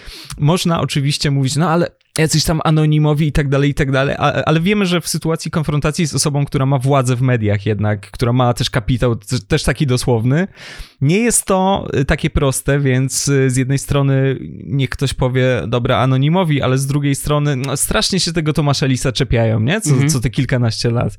Co on, on, on taki jest fajny, a tutaj raz na jakiś czas po prostu to szambo, szambo wybija. Także no, każdy sobie sam wyciąga wnioski. Mm, swoją drogą, mm, jakiś czas temu, ja chyba to mówiłem w odcinku z anegdotami ze sławnych ludzi, e, o, o, o wywiadzie, wywiadzie żurnalisty z mm, Jackiem Żakowskim. I tam w dużym skrócie Jacek Żakowski mówi, że, że tak naprawdę jest takie, pada takie dramatyczne pytanie, czy Tomek wróci? To, to Żakowski spotyka ludzi na ulicy i oni się pytają, panie Tacku, czy Tomek kiedyś wróci? O, w, sensie o Lisie, nie? I on mówi, no nie wiem, nie wiem. I tam zobaczymy. I um, Żakowski opiera to na takim um, na takich dociekaniach dotyczących samych zarzutów, tak, że z jednej strony dostajemy tutaj bardzo grube zarzuty dotyczące tam molestowania seksualnego i tak dalej, i tak dalej, w sensie w tekście Czaka, tak, e, które w ogóle nie są dowiedzione, i, ale, ale, ale powinny być dowiedzione jak najszybciej, jeśli, e, jeśli poważnie traktujemy tekst Jadczaka.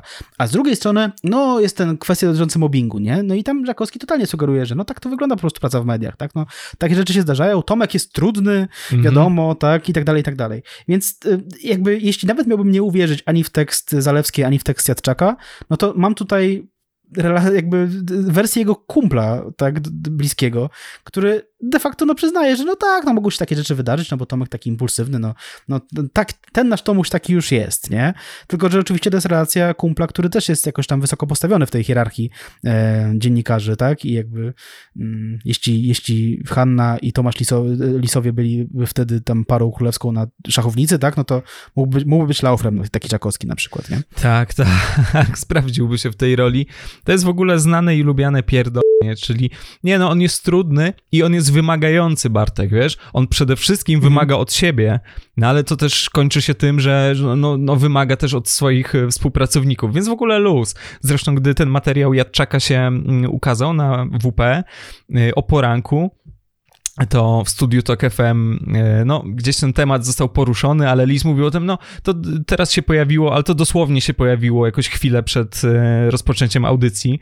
Teraz się pojawiło to tak tylko, przerzuciłem wzrokiem, ale od razu mówi, ale to są jakieś w ogóle ćwierć prawdy, pół prawdy, pół prawdy, to już nieźle, tak swoją drogą. Tak. To, jeżeli, połowa tych rzeczy. jeżeli połowa z tych rzeczy, e, to już naprawdę można rozmawiać o, o wyciąganiu jakichś tam konsekwencji, ale że to nie, nie przeczytałem, ale że to bzdury, a Żakowski mówi, no ja też, też nie zdążyłem, no bo ja już byłem wtedy w studiu e, i no to może wrócimy do tego, a, a może nie wrócimy, więc jakby w ogóle luz, czyli standardy po prostu mobbingowe są, są git, bo przecież zawsze tak było i, i przecież na tym, z tego wynika jakość, e, jakość tej pracy danej redakcji, więc no tak, tak, tak, mniejsza, mniejsza już o to, e, bo mówiłeś o tym, że przeskoczymy na chwilę do roku 2008, otóż nie, my musimy w nim zostać, to prawda. Bo w 2008 roku mm, rozpoczęła się emisja programu Tomasz Lis na żywo. To jest y, już program nadawany przez TVP. No właśnie, Tomasz Lis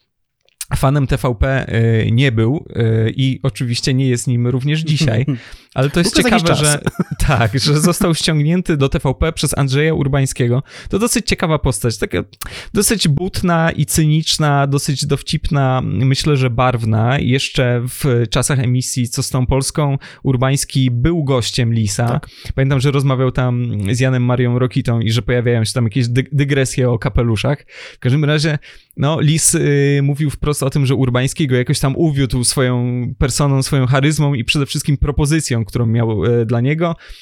Przypomnijmy, Andrzej Urbański był wcześniej szefem kancelarii mm, y, prezydenta Lecha Kaczyńskiego, później był szefem TVP z pisowskiego nadania. Tak to należy nazwać, y, mimo że PiS nie był już wówczas y, u władzy. Urbański obiecał, jakby ja ci się nie wtrącam w nic, nie ma żadnych nacisków i tak dalej, ty masz jedno zadanie, masz zrobić po prostu najlepszy program w tym określonym czasie antenowym. Mówił o tym, że on ma być popularniejszy i to też jest jakaś w ogóle pocztówka z dawnych czasów, co prawda rok 2008, ale jednak już chwila minęła, że to ma być nie tylko najpopularniejszy jakiś program polityczny, publicystyczny, ale jeżeli w tym samym czasie leci show Szymona Majewskiego, to masz mieć nawet więcej niż, wiesz, więcej niż on tych widzów, nie? Że jakby, Da się zrobić, jest w nie? ogóle, to, jaki, to, tak, co to jest za punkt odniesienia dzisiaj, nie? Tak naprawdę, ale wówczas to był, to był duży gracz i, i bardzo popularny program, e, no i Lis po prostu zaufał Urbańskiemu, stwierdził, że ten gra fair, e, więc dopóki Urbański jest szefem, no to nic mu się nie stanie i lecimy. No i rzeczywiście to jest program, który e, był emitowany przez kilka dobrych lat, bodajże przez 7 lat, nie? Do 2015 roku. 16. Znaczy tam początek 16 to już tam był koniec. Nie? Tak. Więc e, coś koło tego. No tutaj rzeczywiście zaha zahaczył się tutaj Tomasz Lis jak na siebie dość długo, tak? Bo y, tam zrobił rzeczywiście te, te, te w swoim życiu tę objazdówkę po najważniejszych powiedzmy stacjach telewizyjnych em, i tak dalej. I Tomasz Lis w książce Historia prywatna pisał tak. E, to chyba akurat pisał w kontekście programu Co z tą Polską, że prowadząc program publicystyczny w dużej telewizji, człowiek niezmiennie balansuje na linie, chcąc zachować jednocześnie pracę i twarz. Żeby zachować twarz, nie może zejść e, poniżej pewnego poziomu merytorycznego i estetycznego. I jeśli byśmy uznali tutaj, że to już jest, przepraszam, koniec cytatu, tak? I dalej mówię ja. Jeśli byśmy tutaj uznali, że, że, że Tomasz Lis jakby rzeczywiście mm, mm, utrzymywał pewien po- poziom estetyczny i merytoryczny w audycji, która się nazywała Co z tą Polską, tak? W Tomasz Lis na żywo, to tam już było zupełnie y, polecone y, tak tabloidowo, nie? Mhm. E, I tak jak nie, nie miałem jakichś takich, nie wiem, no, no miałem jakieś zastrzeżenia co, do, co, co z tą Polską, ale rozumiałem, że, że, że to jednak musi być atrakcyjne, tak, i, i że no czasami ten, ten Henryk Jankowski może rzeczywiście jest jakimś tam tematem, który przyniesie ci e, oglądalność, nie? Tak tutaj, co odpierdał Lis i co odpierdała redakcja, która zajmowała się e, tym programem, to o Jezu. E, To był program, który leciał równolegle z, e, z Warto Rozmawiać Pospieszalskiego, które było jakoś tam nastawione prawicowo i, i, i, i, e, i, no, Pospieszalski też jest wyjątkowym szkodnikiem jakby tele, telewizyjnym, nie? Ale Tomasz Lis postanowił iść o krok dalej niż Pospieszalski w, pewnej, w pewnych kwestiach, dlatego że jeśli co z tą Polską polaryzowało widzów, tak Tomasz Lis na żywo polaryzował pewnie dwu albo trzykrotnie e, bardziej, bo tu już były takie sytuacje jak na przykład, nie wiem, jak, jak Korwin porównał e, osoby z niepełnosprawnościami do debili, tak, w Mhm. sensie użył słowa debile, tak, to zaprosił Korwina i, i, i jakiegoś mężczyznę na wózku tam, żeby, żeby sobie pogadali, nie?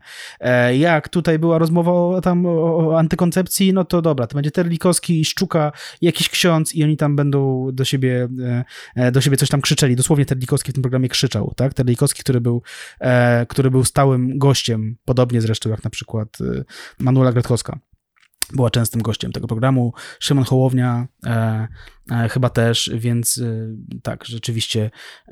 Aha, Mag- Magdalena Środa jeszcze była, bywał hołd dosyć, dosyć często, więc program miał takich stałych gości, którzy którzy mieli pompować emocje po prostu widzom, nie? E, I momentami te sytuacje były aż paskudne, dlatego że może tutaj krótko rozwinę, jak wyobrażam sobie program, który jest y, atrakcyjną i jednocześnie odpowiedzialną publicystyką telewizyjną. No zaproście, kurde, na przykład, nie wiem, socjologa albo Mhm. naukowca, który wytłumaczy kwestie związane, nie wiem, z, z, z aborcją na przykład, tak?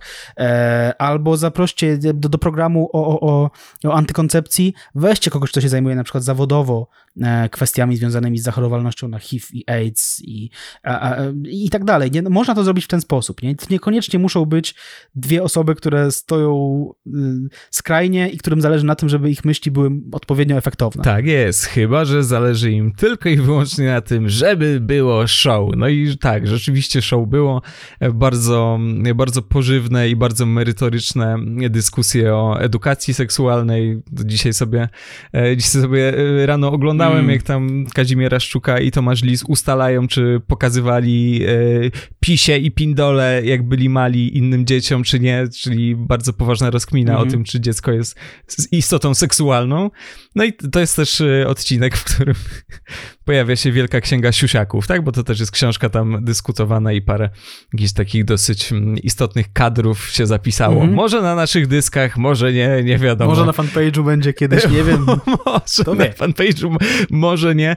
No i też jakiś taki mm, dalszy kościółkowy kurs Lisa, no bo gdy Gowin mówi w kontekście e, pedofilii kapłanów o tym, że takie sprawy, okej, okay, to, to się zdarza i on nie neguje tego i nie neguje stanowiska ofiar, ale trzeba by to rozwiązywać w kościelnym gronie, tak? Czyli tutaj jakieś po prostu świeckie organy ścigania nie powinny mm, za bardzo odgrywać żadnej roli. Tomasz Lis, jak się domyślamy, tego e, nie kontruje, ale tak, tak, poza tym to, to naparzanka, też oglądałem tego Terlika, który po prostu drze tego ryja, dzisiaj Jezus by już by był, dzisiaj by już podszedł do sprawy nieco bardziej, nieco bardziej rikszowo, bo to też osoba, która jakąś tam ewolucję przeszła. Terlikowski wręcz przeprosił za, za, za swoje słowa, może nie, jakby niekoniecznie z programów Tomasza Lisa, ale za słowa, które wypowiadał w tamtym czasie i, jakby dzisiaj wiemy, że no, może, może nie jest jakąś taką, nie jest moim szczególnym idolem, ale doceniam zawsze to, że ktoś w polskiej debacie publicznej zupełnie wprost przeprasza za, za to, co powiedział kiedyś. Tak, tak, tak, tak. No i w ogóle ten wątek kościelny jest bardzo dużo odcinków o, o tego typu mm, tematyce. One są dostępne na TV-powskim VOD.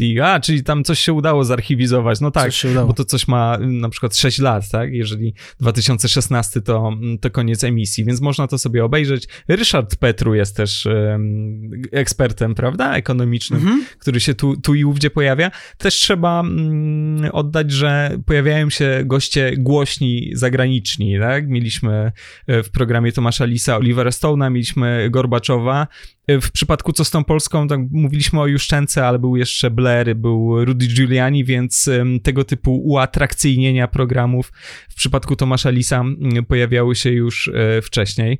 No, koniec końców ten program został zdjęty, bo podobno, jak wynikało z raportu otwarcia, już przeprowadzonego na zlecenie Jacka Kurskiego, no przynosił koniec końców duże straty, łącznie 2,2 miliona złotych straty, co też wynikało z kosztów, jak się domyślacie, bo ten program był produkowany przez firmę Tomasza Lisa, która się nazywała w bardzo sympatyczny sposób. Bartek, jak ona się nazywała? Tomasz Lis Deadline Productions. Dead to jest totalnie słowo, które powinno się pojawiać w nazwie firmy, która nie jest wytwórnią metalową. Ona traumatyzowała już na poziomie, na poziomie nazwy ta firma, nie? tak, tak, tak, tak. Jeśli tak. Jak, jakiś um, współpracownik Tomasza Lisa widział nazwę tej firmy, to już wiedział, co tam się będzie odpierdalało na tym planie. Um, no i tak, no i jakby też um, trzeba powiedzieć, że też publiczność była, była bardzo żywa do tego stopnia, że E, no, że ona czasami w ogóle buczała na, go, buczała na gości w ogóle i, mhm. i, i przychodzili w ogóle z, z transparentami politycznymi. Um, to, to był też chyba ten program, w którym Donald Tusk pod, swoj, pod koniec swojej, swojego premierostwa dostał, dostał 100 e, lat, miał, miał, miał śpiewane. Więc no powiem, no powiem tak, no jeśli dzisiaj czasami prawica mówi, że no co tam się, nie podoba wam się TVP dzisiaj, ale przecież kiedyś było to samo, nie było tego samego, absolutnie nie było tego samego, to jest, to jest, to jest nieprawdziwa teza, która korzysta z tego, że, że Polacy chcą, pamięta, pamiętają to, chcą pamiętać, przynajmniej niektórzy Polacy, mhm.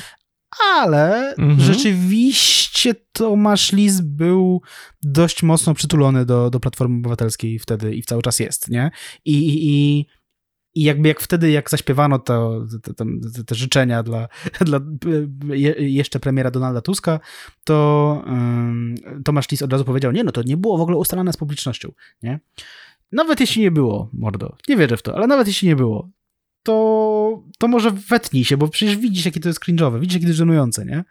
Przecież widzisz, że to jest sytuacja, w której Donald Tusk dostaje kurwa życzenia na żywo, nie? Jezu. A, to jest ta spontaniczna sytuacja, w której ludzie po prostu się zebrali i zaśpiewali. No więc tutaj pojawia się pytanie dotyczące e, doboru publiczności, tak? No bo tak kojarzymy to, że no na przykład są agencje statystów i bardzo często ludzie pojawiają się właśnie z tego klucza, okej? Okay? No jakby znany, znany fakt, jeżeli chodzi o programy telewizyjne, ale wydaje mi się, że tutaj to nie było takie przeźroczyste, że to nie było takie przypadkowe, że z jakiegoś powodu mm, tam się pojawiły akurat licznie osoby, które chciały zaśpiewać e, Tuskowi 100 lat i tu, tu już nawet nie, nie, nie, rozmawiamy o tym, czy, czy Tuskowi, czy komukolwiek innemu, bo to absolutnie nie o to chodzi, tylko tego typu jakaś taka, no jednak agitacja, która leci live, Tomasz Lis na żywo, prawda? To jest, to jest Ameryczka i to jest telewizja live, no ona nie powinna się, się pojawić, a z jakiegoś powodu się pojawiła, no. Jeśli coś można powiedzieć dobrego o tym programie, to to na pewno, że yy i, I, kiedy rozmawiano o problemach, problematyce związanej z kobietami, na przykład, nie wiem, o, o e, prawach reprodukcyjnych i tak dalej, to jednak zapraszano kobiety do programu, a niekiedy dysku, dyskusje były wyłącznie e, kobiece, nie licząc Tomasza Lisa, tak? Więc jakby rzeczywiście e, to, to, to bywał program, który nie, nie kontynuował tych takich tradycji polskiej telewizji, że a, dzisiaj dyskusja o aborcji, mamy tutaj siedmiu facetów i rozmawiamy, nie? Tak, tak, tak. tak, tak. Chociaż, chociaż tyle. No i co? I mówiąc o programie Tomasz Lis na żywo, dotarliśmy do roku 2016, czyli wyleciliśmy poza te nasze, te nasze ramy czasowe, mm, którymi posługujemy się w trakcie nagrywania podcasteksu. Nie będziemy tutaj rozmawiali za długo o książkach Tomasza Lisa z lat 2006-2008, bo, no bo nie, bo to jest, nie, to nie, jest ta sama nie, nuda, Niemal co... w ogóle nie będziemy. Ten. Um, I może porozmawiamy w takim razie, jakoś tak puentując ten, ten, ten, tego potwora, którego stworzyliśmy, czyli dwu, dwuczęściową dyskusję na temat e, Tomasza Lisa.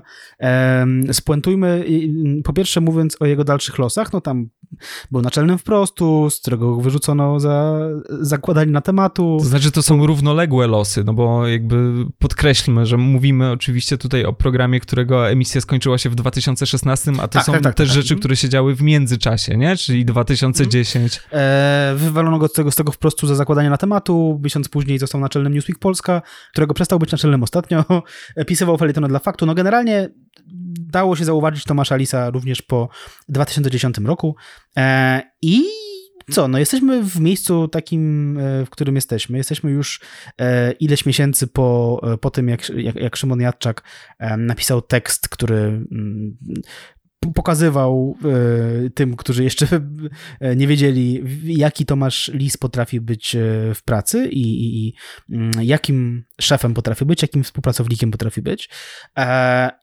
I Mateusz, czy tobie się wydaje, że, że Tomasz Lis jeszcze, jeszcze powróci e, kiedyś? Pierwszy impuls jest taki, że nie, że po tym już się nie da podnieść. Zresztą podkreślmy, że Tomasz Lis nie został zwolniony po y, materiale Jadczaka, tylko jakiś miesiąc przed publikacją, zdaje się. Zostało to wszystko rozwiązane, mówię o jego kontrakcie z Newsweekiem, ale też druga myśl jest taka, że w Polsce po prostu się nie da nie da skompromitować i to jest myśl, która już u nas padała i w różnych innych miejscach, bo nie jest jakaś specjalnie, mm, specjalnie oryginalna, więc y, absolutnie nie zdziwiłbym się tym bardziej, że jest, proszę pana, teraz ten internet wszedł niedawno, nie? No to jest tyle, jest tyle możliwości, nie wiem, jak to wygląda i też za bardzo się nie zagłębiamy w te sprawy zdrowotne Tomasza Lisa, chociaż wiemy, że w ostatnich latach był doświadczony mocno, jeżeli chodzi o o te sprawy. Przeszedł trzy udary. E, nie wiem na ile mu zdrowie pozwoli, ale nie zdziwiłbym się jego aktywność Twitterowa, która jest naturalnie łatwiejsza niż prowadzenie własnego programu. Pokazuje, że chce mu się, chce mu się uczestniczyć w debacie, prawda? Chce, się, chce mu się dyskutować, no i przede wszystkim walczyć o Polskę, bo ja myślę, że mamy do czynienia z, z osobą, która jest obdarzona tak dużym ego, że rzeczywiście może traktować e, tweetowanie przeciw PiSowi jako walkę o demokratyczną Polskę. Mhm. Tak, y, ja bym powiedział, i to jest taka teza, którą trochę pcham wśród, nie wiem, w swoim otoczeniu od, od jakiegoś czasu, bo miałem oczywiście dyskusję na temat Tomasza Lisa e, ze swoimi znajomymi. Mi się wydaje, że, że Lis nie powróci, przynajmniej nie powróci do tego, do, jakby nie będzie już tym samym Lisem, tak, tak, tak ogromną postacią, jaką był, powiedzmy, tak wielkim Polakiem, tak jakim był w latach 90. i, i, i zerowych. E, wydaje mi się, że po pierwsze on pozamykał sobie drzwi już wszędzie, tak? W sensie, jeśli byłeś w TVP dwukrotnie, tak? E, w TVN-ie, e, w Polsacie, byłeś w Newsweeku, byłeś w, we Wproście, tak? Tutaj gdzieś tam pisałeś do faktu, działałeś prężnie w Onecie i tak dalej, i tak dalej, to wydaje mi się, że, że, że za bardzo już nie masz y, drogi powrotu, nie? Aha, jeszcze na temat oczywiście, tak? Jakby tak szukam jeszcze w głowie. Byłeś obecny w Agorze i w tej Agorze już nie jesteś obecny od paru miesięcy, tak? No to, no to gdzie masz tak naprawdę iść? No możesz iść do, do, do, rzeczy na przykład. Ciekaw jestem, co by się stało, gdyby czy, czy, czy jakiś tam e, prawicowy, e, prawicowe medium mógłby e, przytulić Tomasza, Tomasza Lisa teraz, dlatego, że jest wciąż głośnym nazwiskiem, ale, ale wydaje mi się, że to już stamtąd nie ma powrotu i też co więcej, jesteśmy w sytuacji, w której na takim e, zawiadamiała HR i związki zawodowe o sytuacji w Newsweeku jeszcze zanim E, Szymon Jadczak opublikował swój tekst. Więc, e, więc jeśli już wprost tam dziennikarka przyznaje się do tego, że, że, że to ona, e, że to przez nią wszystko i tak dalej, no to jak on ma gdzie on ma szukać tak naprawdę tej, tej, tej pracy, tak? Przecież jakby rotacje dziennikarzy w polskich mediach są dość, dość częste, nie? I, i, I co? I wyobrażasz sobie to, że ktoś, kto miał już doświadczenie z pracy e, z Tomaszem Lisem, e, powróciłby jakoś do, do tego doświadczenia chętnie? No, wydaje mi się, że, że niekoniecznie. No. Bartek, nie, bo ty ograniczasz e, to myślenie o dalszych losach Tomasza Lisa do e, etatu w redakcji, e, mhm. a przecież nie było Tomasza Lisa jeszcze na Patronajcie. Myślę, że ruch wsparcia odpowiedni udałoby się zebrać. Poza tym mamy do czynienia z osobą, to jeszcze jeszcze nie jest podziękowanie dla naszych patronów i Właśnie matronek. Myślałem, że do tego dążysz, że chcesz to, zakończyć. To był mój pierwszy pomysł, ale nie chcę, nie chcę tego łączyć bezpośrednio z czymś tak przykrym i z kimś mm -hmm. tak przykrym. E, ale e, jego tam jeszcze nie było i jeżeli chodzi o e, możliwości solowego działania, no to one są duże, czy, tam, czy też działania w duecie, co my robimy w tym momencie, więc tak, tak naprawdę bym się nie zdziwił. Wiadomo, że gdzieś mm, z tyłu głowy pojawia się przykład Kamila Durczoka, który notabene próbował rozkręcić no, Lis już wcześniej rozkręcił na temat, e, Kamil Durczok próbował e, już później rozkręcić Silesian, mm, wiadomo jak się to skończyło, no i jemu się tej kariery medialnej nie udało odbudować, więc z jednej strony zamknięte drzwi, ale no jakby koniec końców i tak Vox Populi, e, plus wydaje mi się, że mamy do czynienia tutaj z bardzo zamożnym człowiekiem i to nie jest jakaś taka wielka tajemnica i tutaj nie chodzi o, tylko o jego zarobki na etacie w danej stacji. Przecież pamiętajmy, że to była osoba z, z zarządu Polsatu, osoba z własną mhm. firmą produkcyjną i tak dalej, i tak dalej, i tak dalej. Więc tak naprawdę bym się nie zdziwił. Natomiast jeżeli chodzi o materiał e, Szymona Jadczaka, który e, pojawił się w czerwcu, ale bliżej końca czerwca, no to z tego co nam wiadomo, to pozwu ze strony Tomasza Lisa cały czas nie ma, więc jak mhm. na razie powtarza się sytuacja z roku 2008 i e, tutaj, jeżeli chodzi o nasze jakieś takie typowanie, to obstawiałbym, że nie będzie. Mhm. Mm, a jak będzie naprawdę, to, to czas pokaże. Tak, e, no co, no mam nadzieję mimo wszystko, że, że jestem tutaj optymistą w kwestii tego, czy, czy, czy, czy, czy, e, czy Tomasz Lis e, będzie kimkolwiek więcej niż jakimś takim smutnym dziodkiem, który też coś tam sobie raz na jakiś czas, e, raz na jakiś czas, raz na 30 minut napisze na, na, na Twitterze. Kończymy, Mateusz, prawda? Tak, myślę, że ta podróż trudna, prawda? Wyboista, momentami przykra, momentami zabawna, niezamierzenie lub zamierzenie dobiega końca. To był drugi odcinek, druga część naszego podcastu na temat Tomasza Lisa. Mhm. Chciałbym powiedzieć, że dziękujemy Tomaszowi Lisowi za jego życiorys, ale ja nie dziękuję. Um... No, można na pewno powiedzieć, że no, panie Tomaszu, bez pana by nie było tych dwóch odcinków. Tak, pobiliśmy nasz rekord na YouTubie, o, dzięki panu. Um, dziękujemy bardzo e, tradycyjnie. Ja wiem, że to jest ten moment, kiedy, kiedy już ludzie wychodzą z podcastu. Powinniśmy go wrzucać w połowie, moim zdaniem. Tak, możemy, możemy to przemyśleć. No. Tak, e, dziękujemy naszym patronom i matronkom, bez których e tyle godzin o Tomaszu Lisie nie bylibyśmy w stanie nigdy na, nagrać. I, i, i pozdrawiamy serdecznie wszystkich słuchaczy, którzy dokładają się do tego, że podcast istnieje, jesteście super i dziękujemy, że możemy wykonywać dla was tę pracę. Tak jest. E, podpisuję się. Tych, którzy się nie dokładają, też pozdrawiamy, żebyście, kochani, nie, nie czuli się pominięci. Absolutnie. Dzięki, że mhm. jesteście z nami. O, Jezus Maria, to było ciężkie, Bartek. Także tak. ja mówię Państwu do usłyszenia. Do widzenia. Podcast przygotowali Bartek Przybyszewski i Mateusz Witkowski. Czytał Tadeusz Drozda.